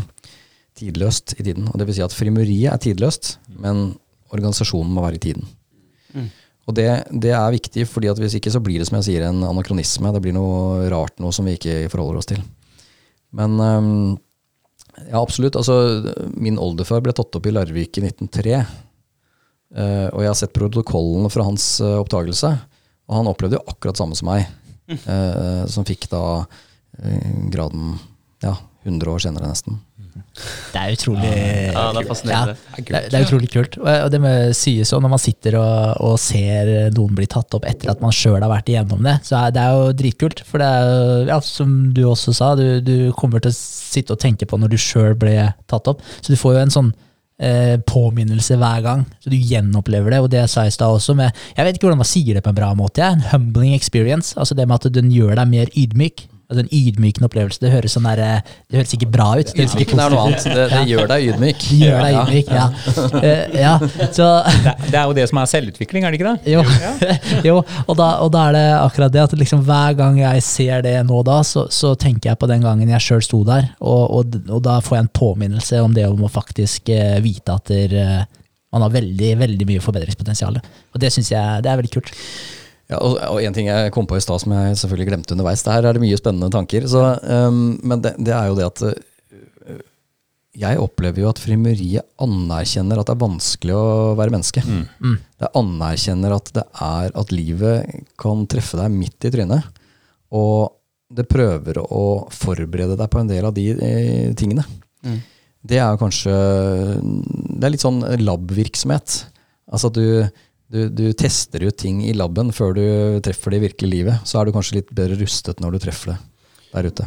Ja, det er egentlig litt uh, morsomt, for jeg har sagt det mange ganger på podden og med andre mennesker jeg snakker med, at uh, det er tanker som jeg har fått uh, både av å snakke med Vegard og Henrik og med, med mennesker som dere.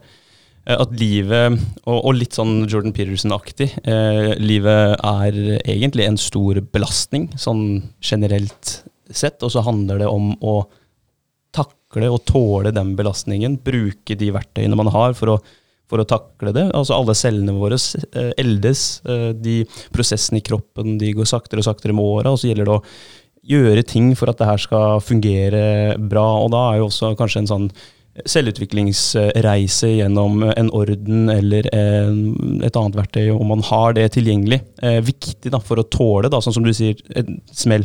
Uh, og det kan være sykdom i familien, det kan være at uh, huset ditt brenner ned. Uh, og hvis du ikke har gjort deg noen tanker om deg sjøl før en sånn hendelse, så kan det hende at du graver deg så dypt ned at det er vanskelig å komme opp igjen. Mm. Vi, vi, sier jo det at hvis du, hvis du, er trygg selv, så kan du hjelpe andre. Mm. Jo, du må jo først være trygg i deg selv. Ja. Og, og, kjenne deg selv. og ja, for å være der for andre. Det, det, er helt klart. Jeg liker å bruke den analogien til uh, flyvertinnene. Mm. Ta på din egen maske først, ja. før du tar de andre. Ja. Um, mm. det, Jordan Peterson snakker jo mye om uh, orden og kaos. Vi skal ikke gå inn på hans uh, teorier nå. Men som med det han snakker om, da, bare for å ta det som et eksempel, jeg skjønner at dere har pratet litt om han før, ja. så, så, er det jo viktig i frimeriet og i alle andre sammenhenger å lytte å tenke og vurdere og være kritisk og gjøre seg sine egne meninger. Ja. Gjøre seg opp sine egne meninger. Som ikke svelger alt som blir presentert. Nå skal det sies at um, frimeriet er ikke en ideologi. Det er, ingen, det er ikke noen ideologisk retning uh, som skal få noen til å tenke på en spesiell måte. Uh, det, er ingen, altså det, det, det, er ikke sånn det fungerer. Så frimeriet vil aldri kunne bli en bevegelse som som skal forandre samfunnet som gruppe. Det vil, det vil skje på enkeltindividnivå. Mm. Eh, fordi hos oss er, er, det ikke noen massesuggesjon. Ikke det, er, det, er, tvert imot oppfordring om å tenke selv. Mm. Det er hele poenget. Mm. Ja, og Det er jo en viktig distinksjon det i forhold til det med å faktisk eh, bestemme hvordan man skal tenke, i stedet for å faktisk rette fokuset på kanskje hva man burde tenke på. Og så kan man heller gjøre seg opp en egen mening rundt den tingen. da, Men at det ikke blir eh, føringer på hvordan man skal tenke. Absolutt. Eh, det er jo flere losjer, er det ikke det? Som type druide, og vi snakka om Oddfellow i stad. Er, det er det store differanser rundt sånne, eller de losjene, eller er det bygd på, på samme prinsippene, at man skal ha en enhet, eh, eller tilhørighet til en gruppe? Eh, Så Det som er felles med disse ordnene, er jo dette broderskap, eh, denne broderskapstanken. Og det gjelder jo også det kvinneordnene. mm. Eh, Noen av de utenlandske kvinneordnene bruker faktisk 'brother' som betegnelse på medlemmene, selv om det er kvinner. Det er litt interessant. Jeg har ikke helt skjønt hvorfor, men det er kanskje fordi de ser på det som eh, Det er ikke kjødelig bror, men det er som et brorskap, som, en, eh, som i en munkeorden. Eller, men de ville jo- kunne jo brukt søster, da. Men poenget er i hvert fall at denne typen broderskapstanke, altså et fellesskap, et åndelig fellesskap, eh, som har noen felles opplevelser, det er kanskje det som er mest eh, Det som er det felles for disse organisasjonene, da. For ordenene. Um, og, og det er jo nettopp det, altså vi tre som sitter her og har opplevd frimeriets ritualer, vi har noe felles. Vi har opplevd oppdagelsen i første grad som felles, eh, og noe mer. Eh, og det gjør jo at vi har, en, vi har et felles eh, erfaringsgrunnlag. Uansett om vi kjenner hverandre fra før eller ikke. Så hvis jeg treffer en frimurer i utlandet, eller treffer en eller annen frimurer i Norge, så vet jeg at ja, men du har opplevd det samme som meg. Du har stått der og opplevd akkurat det samme greiene. Og da har vi noe felles. Og det skaper et bånd. da. Hender det at dere møter folk eh, på reise, og så ser dere For jeg har hørt om ringer og litt sånn forskjellig. Så ser dere ring på fingeren og gir et lite nikk til en tilfeldig forbipasserende? Eller? Nei, altså jeg eh, Hvis, hvis settingen er naturlig, eh, så Men det er jo ikke sånn at man flyr etter folk med en ring. så så det, det, blir, det blir som i alle andre aspekter av, av livet og samfunnet. Det er, det er kontekstbasert. Eh, men det er klart at hvis du plutselig sitter og, og venter på noe, og du ser en som har Ja, så er du medlem av ordenen. Så kan jo det være en Kan det hende at det kan være naturlig å spørre om det, eller det kan være at konteksten overhodet ikke er riktig. Så, så det blir som med alle andre Hvis du ser noen sitte med en tennisracket Å, spiller du tennis? Så noen ganger passer det, noen ganger passer det ikke. Men eh, jeg eh, har eh, til gode egentlig å møte så mange frimenn. Jeg vet ikke hvor de er når ikke jeg treffer dem i losjen. Så Du bor jo på så lite sted. ja, er. Nei, men altså, Jeg har jo også truffet en del frimurere rundt, rundt omkring, og i arbeidsliv eller andre på reise eller et eller annet. Men jeg pleier å være litt diskré med det. For det er veldig forskjellig hvor åpne folk er om å være frimurere. Men det er klart, går du med ringen, så er du jo ganske åpen, da. Selv om det er mange som ikke vet hva det er. Uh, så noen ganger så har kanskje vi vært sammen med noen andre, og så i en eller annen sammenheng så er det bare oss to. Så sier jeg ja, hvilken losje er du med i? Så, Oi, så har jeg lagt merke til det, liksom. Så har ikke de kanskje lagt merke til det. Så bare sånn utveksler vi litt hvor vi kommer fra, og sånn, og så er det det. Men uh, det er ikke noe ja. Nei, nei, for det, poenget er at frimurere går ikke rundt og prøver å oppsøke andre frimurere. Altså det, det, er, det er ikke sånn. Og det kan hende, hvis man går riktig langt tilbake i tid, så hadde man egne tegn og positurer man sto i osv. for å signalisere eventuelt eh, at man kom til et nytt sånn. sted. Og, ja.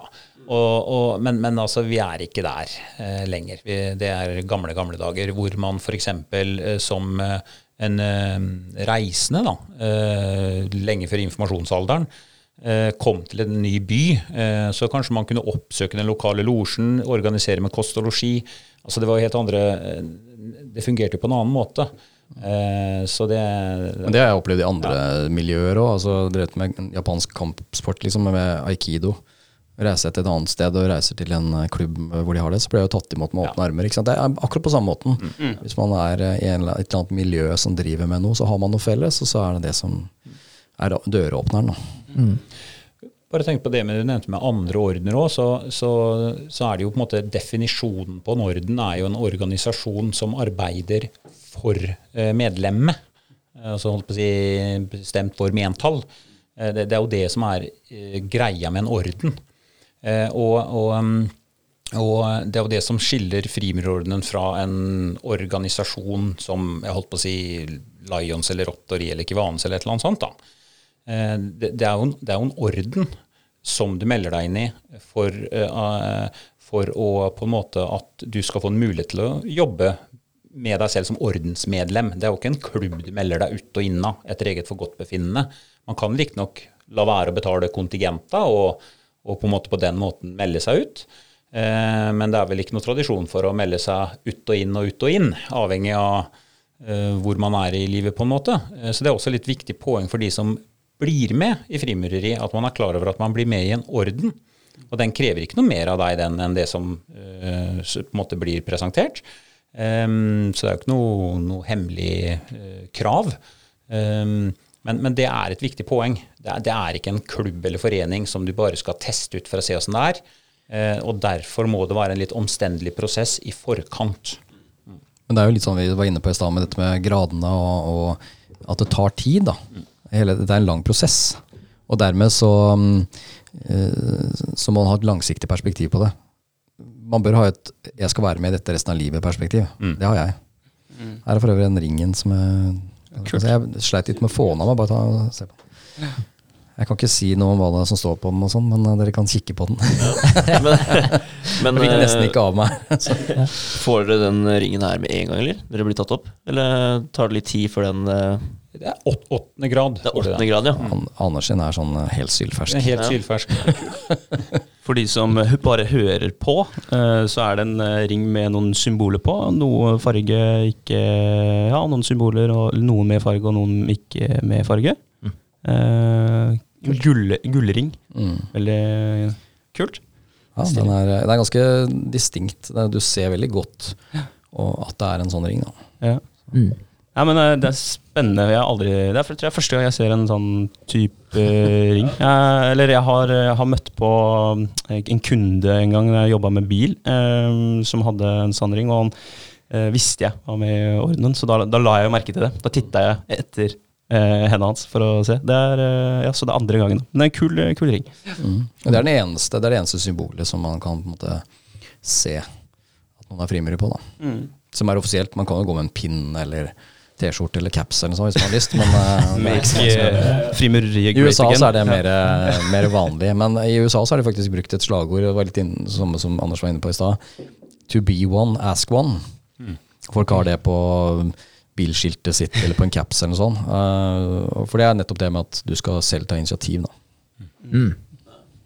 Ikke sant. Men hvorfor burde unge menn bli med i frimurerordenen? Altså, og hvorfor bør de søke da et, eh, si, et livslangt løp innenfor en, eh, en, orden? Hva tenker dere om det? Nei, altså, for, for min del eh, så ble jeg medlem når jeg var ja, 33 eller 34. Eh, hadde en datter på ja, to år. Eh, to bonusbarn på åtte og ti. Eh, gift, jobb, osv. Eh, full pakke. Eh, og, ehm, men her kommer det inn i bildet at hver og en må jo på en måte vurdere sin egen situasjon. Men jeg vurderte det dit hen eh, at jeg hadde lyst til å bli med. Og litt av poenget var jo nettopp å få en ting som jeg driver med. Altså, så, så, så, får man gjerne tenke at det kanskje er egoistisk, da. Men, men det er jo mitt pusterom. Eh, og forhåpentligvis er jo resultatet av det arbeidet jeg gjør, til fordel for de som er rundt meg da. Det kan man jo håpe at det er. Men for meg så var det iallfall sånn at eh, det å kunne da ta på meg eh, dressen og gå i losjen og delta på møter og, og på en måte mm, bli med og, og få embeder, da, oppgaver under møtene, det gjorde at jeg hadde noe annet å tenke på enn bare jobb og familie og, og alt det naturlige tingen eh, som er viktigere enn losjen. Det må vi jo ikke glemme. Altså, det er først eh, familie, og så jobb, og så losjen. Eh, hvis man må prioritere i en rekkefølge. Men det er klart at losjen, sånn som jeg så det, det, det gjorde at jeg fikk det der lille ekstra rommet til å snakke med andre folk, til å få noe annet. Eh, det var et, et, avbrudd som i tillegg ga meg masse interessante ting å fylle hodet med. Eh, jeg er jo veldig, veldig aktiv da, i embetene. Er med i flere forskjellige losjer og har flere forskjellige oppgaver. Eh, og i tillegg litt det her med med det, er også noe som heter forskningslosje, da, eh, hvor man kan på en måte fordype seg litt i ulike temaer og sånt. Eh, det har også vært veldig berikende for meg. Eh, så, så, det handler egentlig om å sysselsette seg med noe som er annerledes enn det derre hverdagslige A4-tinga, da. og jeg vet liksom ikke noen annen måte å si det på enn det. Det er, det, er, det er, mitt. Det er noe jeg driver med for meg selv. Men resultatet håper bra kommer andre til gode, da. Mm. Det, men, men det, det, er min ting. Ingen andre skal blande seg inn i det. Uh, så det, det, har vært helt uvurderlig for meg uh, i, um, i, de siste ti åra, for å si det sånn. Mm. Kjempeglad. Jeg har ikke angra et sekund uh, på at jeg spurte om å få lov til å bli frimurer. Mm. Jeg er helt enig. Altså, jeg ble jo med litt uh, yngre enn deg, ikke mye, men 28 var jeg. Jeg hadde også barn, hadde to barn. Datteren min ble døpt dagen før jeg ble tatt opp i losjen. Um, så um, mm, starta jo tidlig sånn sett med forskjellige ting. Og så hadde moren min vært med på å arrangere 250-årsjubileet i Oslo. Fordi hun hadde arrangert noe sånn musikkinnslag og sånn uh, på noen arrangementer. Og da Eh, ble hun kjent med en som da senere ble min fadder. Og Jeg begynte å bli nysgjerrig på frimuriet og leste noen bøker og diverse, og tenkte at nei, det her vil jeg faktisk eh, Dette vil jeg oppleve. Dette vil ikke jeg gå gjennom livet uten å ha opplevd. Det synes jeg var så fascinerende. Og så hadde jeg en morfar og en oldefar som var med. Eh, nå var jo morfar død for mange år siden, og, og oldefar selvfølgelig også, før jeg ble født. Men, men, men jeg hadde alltid hørt liksom, mye positivt om frimeriet. Og jeg tror ikke jeg hadde så veldig mye mer tanker enn det. Jeg var ikke så, så veldig bevisst på ting da, men, men, det har vært en reise og veldig, veldig positivt. Det, det, er jo en helt naturlig del av livet mitt nå. Det er jo ikke noe som jeg liksom ja, det er en rutine på et vis. Hvor mye tid bruker du, egentlig begge to, da, sånn på fribureriet? Si ja. Må jeg si det? Kanskje? Nei, altså det, det er jeg, jeg, har jo embeder, eller jeg har jo et embede i, i, organisasjonen, altså i ordenen, som mm. er på en måte sånn 24-7, da.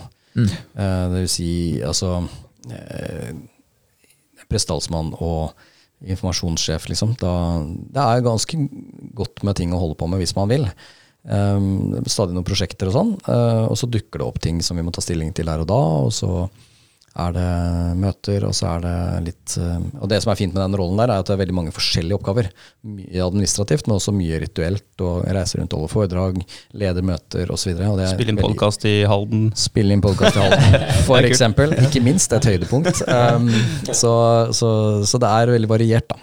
Og dermed så er det ikke Det føles ikke som jobb. Og det er et viktig poeng at det er jo lystbetont og, og frivillig. og ja, det føles ikke som jobb. Hadde jeg gjort det, så hadde jeg nok ikke brukt så mye tid på det. Nei. Så jeg teller ikke timer. Jeg fører ikke timer, for å si det sånn. Nei. Det er dårlig betalt. Mm. Ja, ikke sant. ja. Nei, jeg vil bare, det, bare måtte stemme i på det, eh, som Kristoffer sier. Det, det, det, er jo ikke Jeg aner ikke hvor mange timer jeg bruker på det, men, men det, blir mye. Og det er, en, det er min hobby eh, i tillegg. Um, det er eh, som jeg eh, Jeg har jo en, en, kalender som er delt med kona mi, eh, og da er jeg litt sånn førstemann til mølla. Hun legger inn jobbreiser og møter og sånn, og jeg hiver på med losjemøter, og så, så, fyller vi det opp og så fordeler vi det som det passer. Og det fungerer jo utmerket. Og man er avhengig av et godt samarbeid med partneren sin. Mm. Det, det, er, det, er, helt klart. For det, det, tar tid. Men det er jo noe jeg velger. Det er jo ingen som forteller eller pålegger meg det. Man kan bli spurt. Anders, eh, kunne du tenke deg òg? Så kan jo jeg si nei, beklager, det passer ikke i den situasjonen jeg er nå. Så sier man nei vel. Altså Det er jo ikke noe problem knytta til det. Men det er klart, man må samtidig, når man sier ja, så må man jo også følge opp. Det handler om forpliktelser, det handler om å være forutsigbar, det handler om å stå ved på en måte eh, følge opp det man sier. da. Det er også noe som, som man må være klar over. at det, det, det, er, um, det påvirker andre mennesker. Hvis jeg sier ja til en arbeidsoppgave, og så plutselig Nei, det passer ikke allikevel. Så står det kanskje da eh, en ny broder som skal bli tatt opp, eh, og, og 15 andre embetsmenn som står og venter på det. Altså, det er forpliktelser knytta til det. Men det må jo du som et selvstendig individ eh, sørge for at på lik linje med alle andre ting i samfunnet, at man må jo på en måte være forutsigbar og gjennomføre det man, man sier. Så det var en litt sånn lang måte å si, si, si det på at um, man kan velge selv, da. Men sier du ja, så må du eh, følge opp. Da forventes det noe. Ja, da forventes det noe. Det skal jo sies det at eh, For å gjennomføre et losjmøte så er det mellom ja, 15 og 30, kanskje 40 mennesker involvert i gjennomføringen Møte. Ja, et Oi. møte. sant? Uavhengig av hvor i landet man er, eller? Ja, det er i hvert fall 15, tenker jeg, med smått og stort. Pluss, pluss, ikke sant. Og større losjer så er det jo mange flere. Så, eh, så det er ganske krevende sånn Det er mange oppgaver som skal løses, da. Og da må man, eh, som du sier, må man stille opp. Så vi pleier å si at eh, hvis du har evne, tid og lyst, så kan du stille opp. det er liksom eh, det er, det er, Og da, da, er det, da forplikter man seg kanskje til ett år, to år, tre år. I noen tilfeller seks år i en oppgave. Og den oppgaven jeg har, er jo har ikke noe dat utløpsdato. så, ja. Men det er jo også veldig interessant, og det jeg nevnte litt i stad med det her med tålmodighetsperspektivet mitt. Fordi det er jo klart at når man er, er i jobb eller studier og sånn, så er jo liksom ett semester er jo lang tid. Altså det er jo en evighet med ting du skal planlegge. Her, her går det i årevis. Ja ja, Nei, men da gjør jeg det de neste seks åra. Eh, altså, så, så man får et litt annet perspektiv på ting. Eh, ting går på en måte litt roligere, selv om det er mye å gjøre. Eh, så så um, Det er forutsigbart. ja, det er for, forutsigbart. Eh, minus eh, koronaperioden. ja. ja. vi, men vi har klart, vi sier jeg, dere, ordenen, alle losjene, har kommet gjennom det på en god måte òg. Ja, vi har kommet gjennom det òg. Vi kom gjennom fem år med annen verdenskrig òg. Da var jo losjene helt stengt. Eh, nazistene stengte jo eh, alle losjene. Og da visste man jo ikke om de ville noen gang bli åpnet igjen. Nå vet vi jo at det blir åpnet igjen. Det er jo bare spørsmål om tid. Så ting er jo ikke lagt ned, men virksomheten ble lagt ned fra mars eh, 2020 til sommeren 2021. Eller høsten 2021. Da var det nesten ingenting. Det var noe småtteri innimellom, men ja. Men, men hva skjedde holdt jeg på å si, sånn under, under krigen og sånn? Altså, det er sikkert ingen kort oppsummering av alt som skjedde der, men sånn i, i, korte trekk, hva var årsaken til at det ble stengt ned? Du, du nevnte litt i stad at nazistene mente at det hadde noe jødisk eh, opprinnelse, eller ja. ja er- var, det, var det på en måte hovedgrunnen, eller? Ja, alt fremmeri ble jo forbudt i Tyskland først, og så andre steder der tyskerne, eller nazistene, da, eh, okkuperte. Og mm, begrunnelsen var at man så på frimeriet som en trussel eh, mot det regimet, da. Eh, som jeg nevnte, frimurere blir oppfordret til å tenke selv, og det er ikke noe særlig for diktaturer. Så flere sånne regimer har jo forbudt frimeriet opp igjennom. Og, og mm, så, så i Norge så ble rett og slett ordenen oppløst, og alle mm, bygningene ble overtatt. Så stamhuset vårt i Oslo ble jo brukt som eh, partihuset til NS, blant annet. Ja. In, inns, eh, innsvergingen av den første SS-avdelingen i Norge ble foretatt i vår store festsal i, i Oslo. Ah. Så det er med liksom eh, Quisling og Terboven og hele gjengen, Himmler og så, så, så det, er, det er jo en spesiell historie. Men um, så fikk vi huset tilbake igjen i ganske ramponert stand i 45. Så man, brukte man vel et år på å- i hvert fall på å sette ting tilbake i, riktig stand. Da. Ja, for det er, er eh, Har jeg hørt fra de jeg har snakka med, at det er mye, mye fint sånn historisk og arkitektur og bygningene til eh, frimureriet er Det er verdt å ta en titt på. Jeg har gått forbi i Oslo et par ganger, og det ser veldig flott ut. Og her i Halden òg, vi har jo et ganske fint bygg her også, nede ved det som nå heter Skofabrikken. Ikke det? Jo, det er ved nærheten her, Svenskegata. Yes. Ja. Søylegården heter jo selve bygget her i Halden. Ja. Svenskegata 10. Yes. Ja, det, er- og det, men grunnen til det må jo henge sammen med det vi på en måte snakka om innledningsvis, eh, i forhold til uh, murere. At det der, har, vært, eh, har det vært en tradisjon, sånn at bygningene også har blitt eh, bevart ut av yrke- yrkesstolthet, holdt jeg på å si, eller? Så har det jo vært, eh, som jeg sa, det var jo de bemidlede som var frimurere. Ja. Eh, si på 1800-tallet. altså Stamhuset i Oslo er bygd i 1894. Store deler av pengene derfra, eh, altså for å bygge det, kom jo fra én mann. Mm. Um, så um, det har vært altså Torvald Meyer, som bygget stort sett hele østkanten av Oslo med, med Grünerløkka og alt sammen. Han ga, ut, ga ganske store deler av de pengene. Og sånn det, har det jo vært andre steder i landet òg, at det har vært bemidlede eh, bedriftsledere eller eh, adelige eller hva det nå er, som har spytta inn skikkelig. Så mm, Det er derfor vi har sånne ganske fjonge bygg rundt omkring. Andre steder så har vi mer praktiske eh, jordnære bygg, som er mer moderne og som er bygget i senere tid. Da. Som er laget med helt vanlig altså Si f.eks. i Horten, da, så eh, var jeg bodde en stund, så uh, overtok man uh, tidligere forsamlingslokalet til Smiths venner. Så bygget man det om, og så delte man det med Oddfell og Marieordenen. Og, og laget et aksjeselskap som driver det, og som leier det ut litt. Og så har man en business, så er det et helt eget aksjeselskap som bare driver bygget, og så bruker losjen av det. Det er en måte å få det til å funke på, sånn rent praktisk og økonomisk. Da. Ja, ikke sant. Så man løser det jo på en eller annen måte. Det er ikke alle som har en rik onkel. Nei.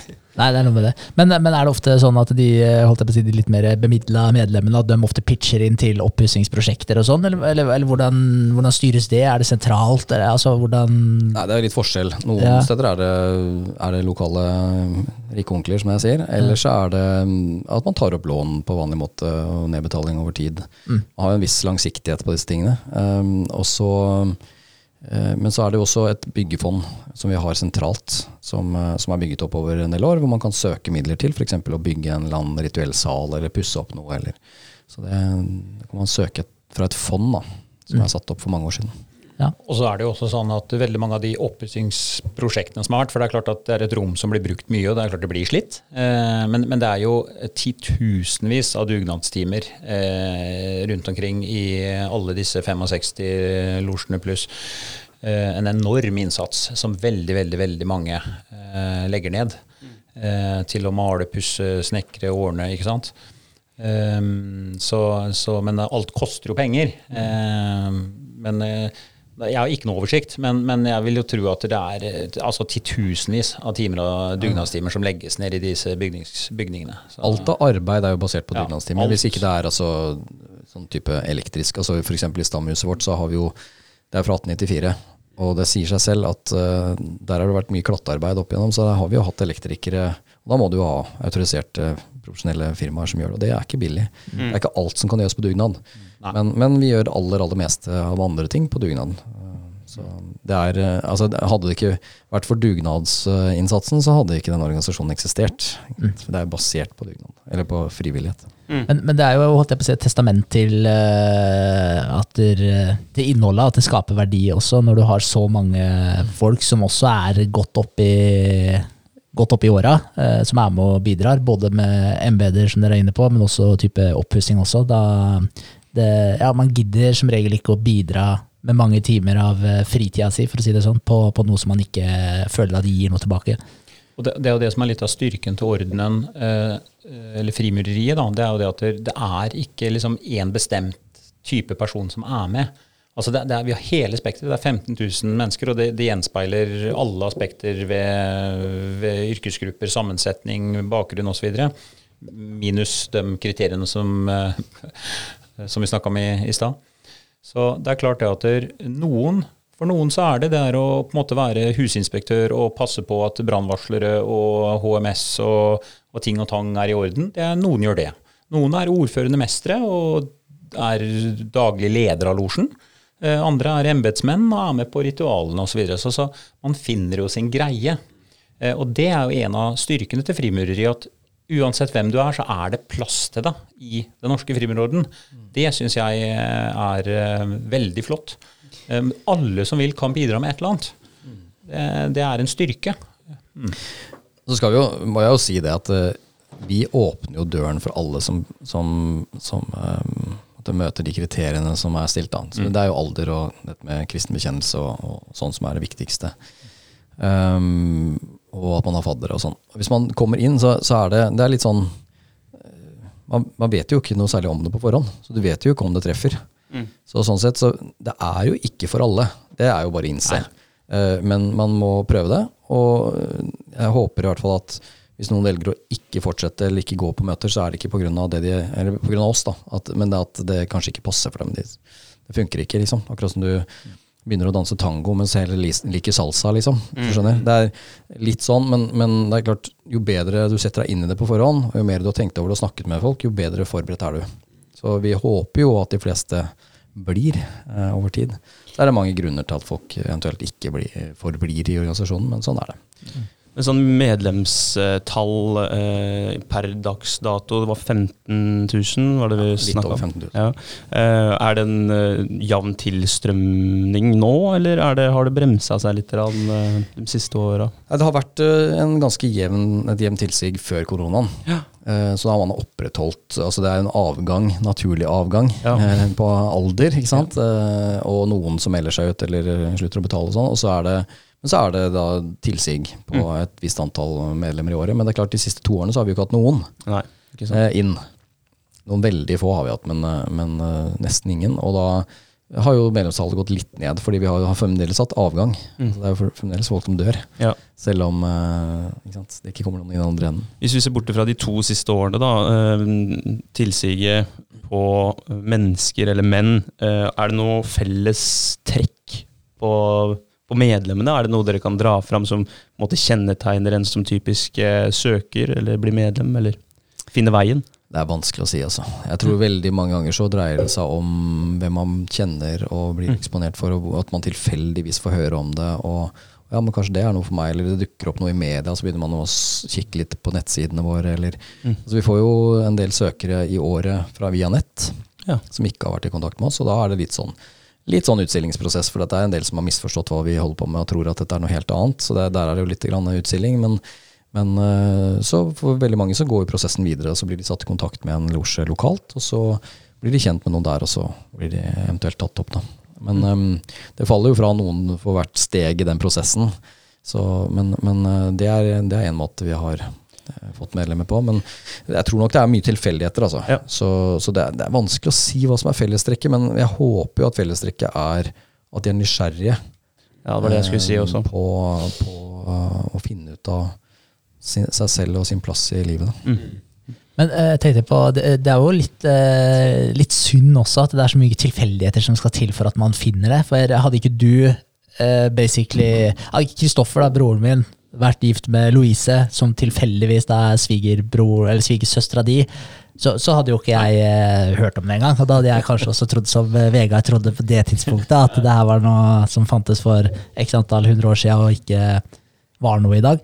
Eh, Men hvordan er det dere på en måte går fram med for å For, det, for jeg regner jo med, som alle organisasjoner, at det er et mål om å, kan, eh, om å få med flere, sånn at man, man kan eh, ja, hva skal jeg si, fortsette å drive det her videre.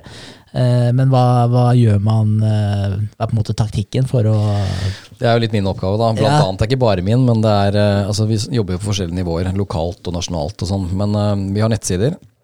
Vi har informasjonsmøter, som du hadde vært på. Og vi har brosjyremateriell, og vi har liksom forskjellige typer informasjonskanaler, da, og Facebook-side og litt sånn. Så jeg tror hvis man vil finne oss, så er det ikke noe vanskelig. Og så gir vi jo ut noen penger i, året det, til det formål. En million kroner i året til forskjellige saker. Det får litt grann oppmerksomhet. Og så, men vi er litt forsiktige med å markedsføre oss for mye.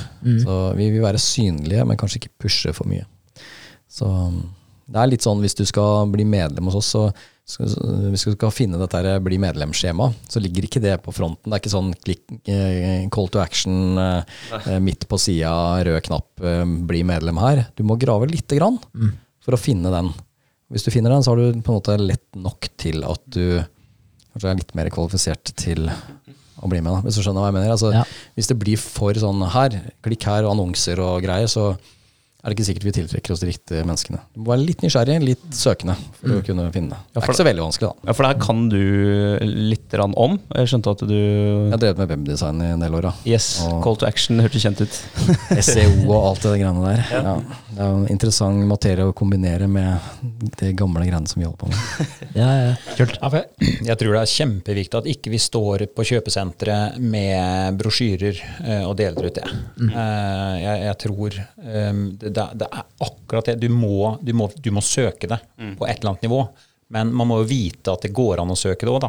Vet at det fins, rett og slett. Ja, Ja. vite at vi, så det er vel en, det krysningspunktet der. Og, ehm, ja, og så tror jeg Det blir jo på en måte litt på siden, da, for det er jo litt vanskelig å ha en strategi på det. Eh, men, men jeg tror da i alle fall at ved at vi som er eh, medlemmer, og som på en måte også er medlemmer utad eh, Jeg har jo for min egen del fra dag én liksom fronta det hele tiden, jeg. Ja. Mm. Både på Facebook og nå. Dit, ikke sant? Um, jeg tror det i hvert fall er viktig da, at man prøver å være i alle fall en eller annen form for god ambassadør. da.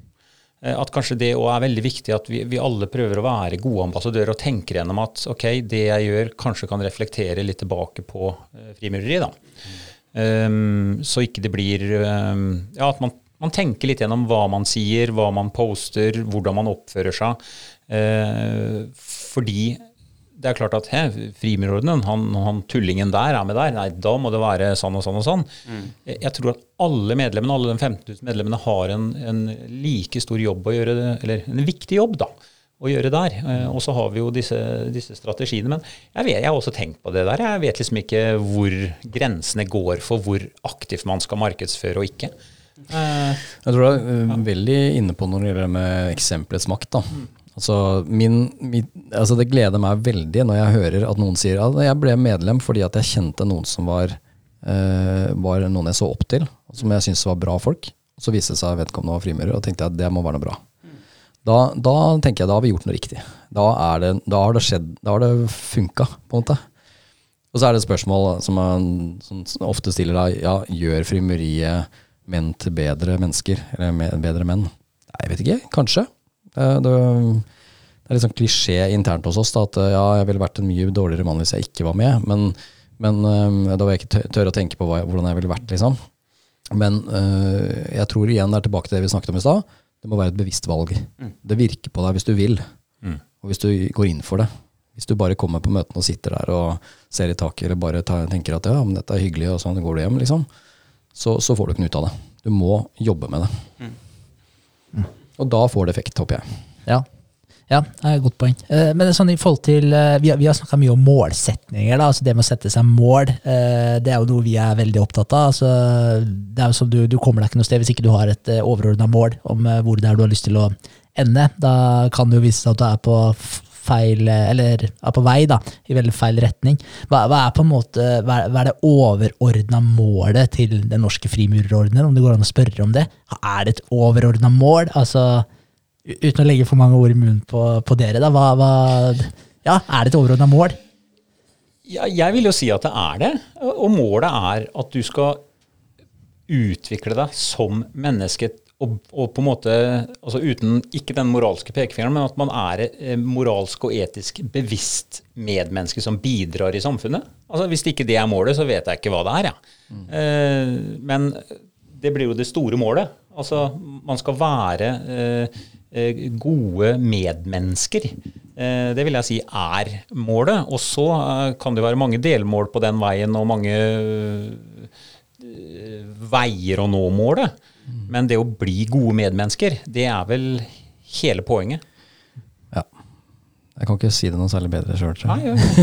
ja, men altså det er eh, Jeg tror for, for, for, individet, altså for brødrene, da, som vi kaller hverandre eh, Vi har nok ulike målsetninger, men jeg har ikke noe spesielt mål med, min, med mitt frimeri. Annet enn Jeg tror det er egentlig litt sånn være i øyeblikket eh, som er poenget. da. At jeg er her og nå. Og det er noe av poenget i frimuriet. Det er nettopp å anerkjenne at, som jeg sa, vi skal dø. Eh, livet kan være tøft, men jeg er her og nå, og det er det jeg kan påvirke. Jeg kan påvirke den situasjonen jeg er i nå, ikke noe annet. Jeg kan ikke påvirke fortiden. Jeg kan kanskje påvirke fremtiden ved den, de handlingene jeg gjør, og den måten jeg er på. Så, så, det er vel egentlig det perspektivet som er måte, langsiktig ved langsiktighet i å være der, men kortsiktighet med tanke på at det er her og nå jeg lever setter pris på det livet vi har. da. Men hvis du tenker eh, organisasjonsmessig for, eh, for frimureriet eller frimurerordenen, er det et eh, langsiktig mål, du som sitter med ja, litt embed og forskjellig Altså, Vi må skille på hva som er frimuri, og hva som er frimurerorden. Okay, ja. For frimureriet er det vi gjør, mm. og frimurerordenen er den som organiserer det vi gjør. Så egentlig så er alt det, altså ordenen og losjen og alt er bare til for å organisere frimuriet. Så det er egentlig hva skal man si, bare en administrativ eh, organisasjon. Mm. Så, men målet eh, for organisasjonen er jo å opprettholde den tradisjonen vi har, og videreføre dem på best mulig måte. Sørge for at den bevares og, og, og formidles videre til nye generasjoner. Det er målet. Kvaliteten skal vedlikeholdes. Kvaliteten skal vedlikeholdes, og, og, og at budskapet som Frimeriet prøver å budskapene som Frimeriet prøver å formidle, eh, ivaretas. At man ikke da skjærer ut eh, til sida og plutselig blir noe helt annet. ikke sant? Kult. Det er bra svar, det. Mm. Er det noe dere har lyst til å legge til? Jeg synes jo, altså jeg har et, eh, Nå har jeg et bilde på hva på en måte frimureriet er. Et bilde på det, som sagt. Jeg føler jeg har dyppa tåa i det. Eh, Men jeg føler det har kommet ganske bra fram her. Nå hadde jeg jo et eh, noenlunde bilde av det fra før.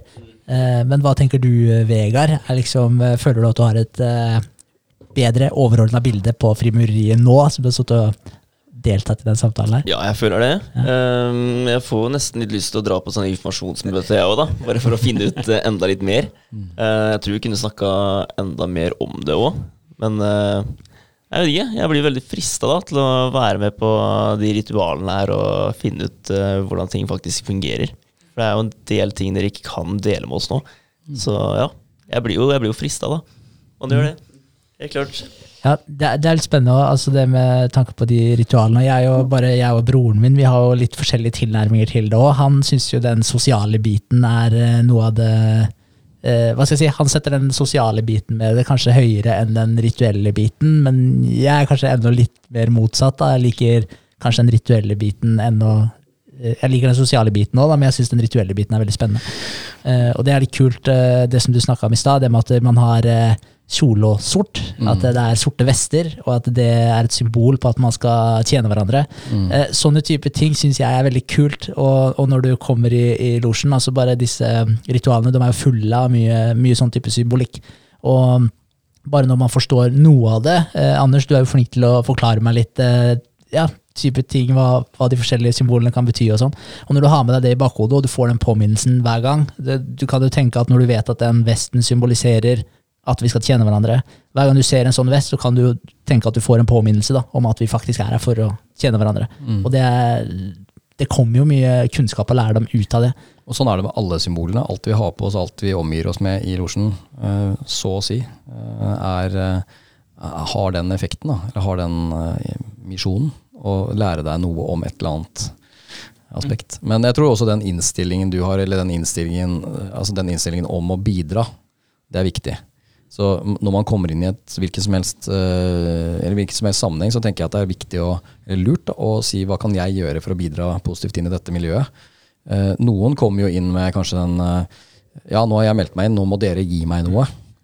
Mens her føler jeg det er helt motsatt. Her forventes du også å bidra. Med det du kan og det du har tid til, men, men du skal være en aktiv del av et miljø. Det tror jeg er egentlig suksesskriteriet også. Og så sånn interessant at du sier at det er det rituelle som er interessant, mest interessant for deg, og det sosiale for broren din. Så kanskje det vil endre seg. Kanskje det endrer seg om noen år. Kanskje det bytter litt. Og noen og så kanskje du engasjerer deg i noen oppgaver, så kanskje det blir mer interessant. Så, altså det, det, det er sånn Det endrer seg. Det er det som er spennende. Ja, kult. Med livet, som er ellers, liksom. Mm. Så kult. Er det noe helt eh, til slutt dere vil eh, formidle til de som eh, Ja, vi er jo tross alt Norges nest største podkast, sier vi til oss sjøl. Haldens nest største podkast. yes. Ja, det er vi kanskje. Men eh, ja, helt til slutt, hvor vi kan eh, lese mer og, og Eller er det noen siste ord først og fremst? Jeg vil bare si at det er kjempeinteressant at dere har lyst til å snakke om det her. Eh, og, og på en måte dere representerer jo også litt den der kalde målgruppa, da. Eh, ikke sant? Uh, reflekterte eh, altså folk i etableringsfasen ish, uh, som, som, som er litt sånn søkende. Um, så det er i grunnen bare å Jeg kan bare oppfordre dere til å komme og banke på døra. Så åpner vi i hvert fall den for dere. Så får vi se om dere slipper inn, da. Ja, veit aldri. Plettfri vandel, er det også ja, Det er krav, er det ikke? Eh, Det det er krav til eh, at du ikke skal være straffedømt eh, for noe som er over tre måneder. Eh, og hvis du, hvis du Altså, du, du skal ikke være straffedømt for noe alvorlig kriminalitet. Nei.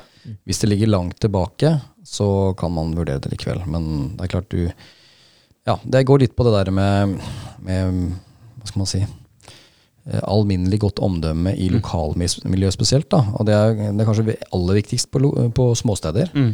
Hvor eh, det, det er viktig at det er en god tillit mellom medlemmene, og at man kan være trygg på, på de som man omgir seg med. Fordi man, man blottstiller seg på en måte, og det skal være et trygt rom. Da.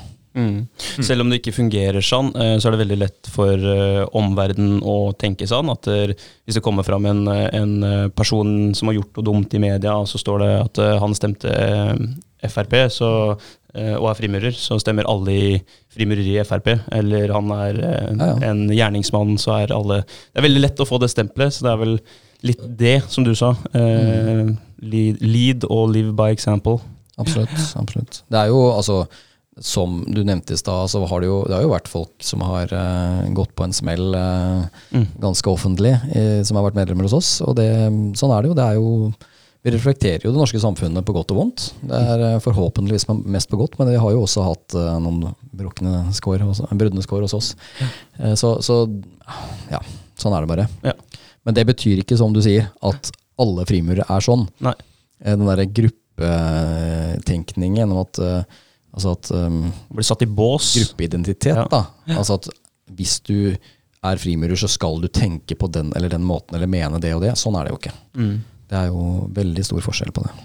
Ja. Hva man tenker og hvordan man lever.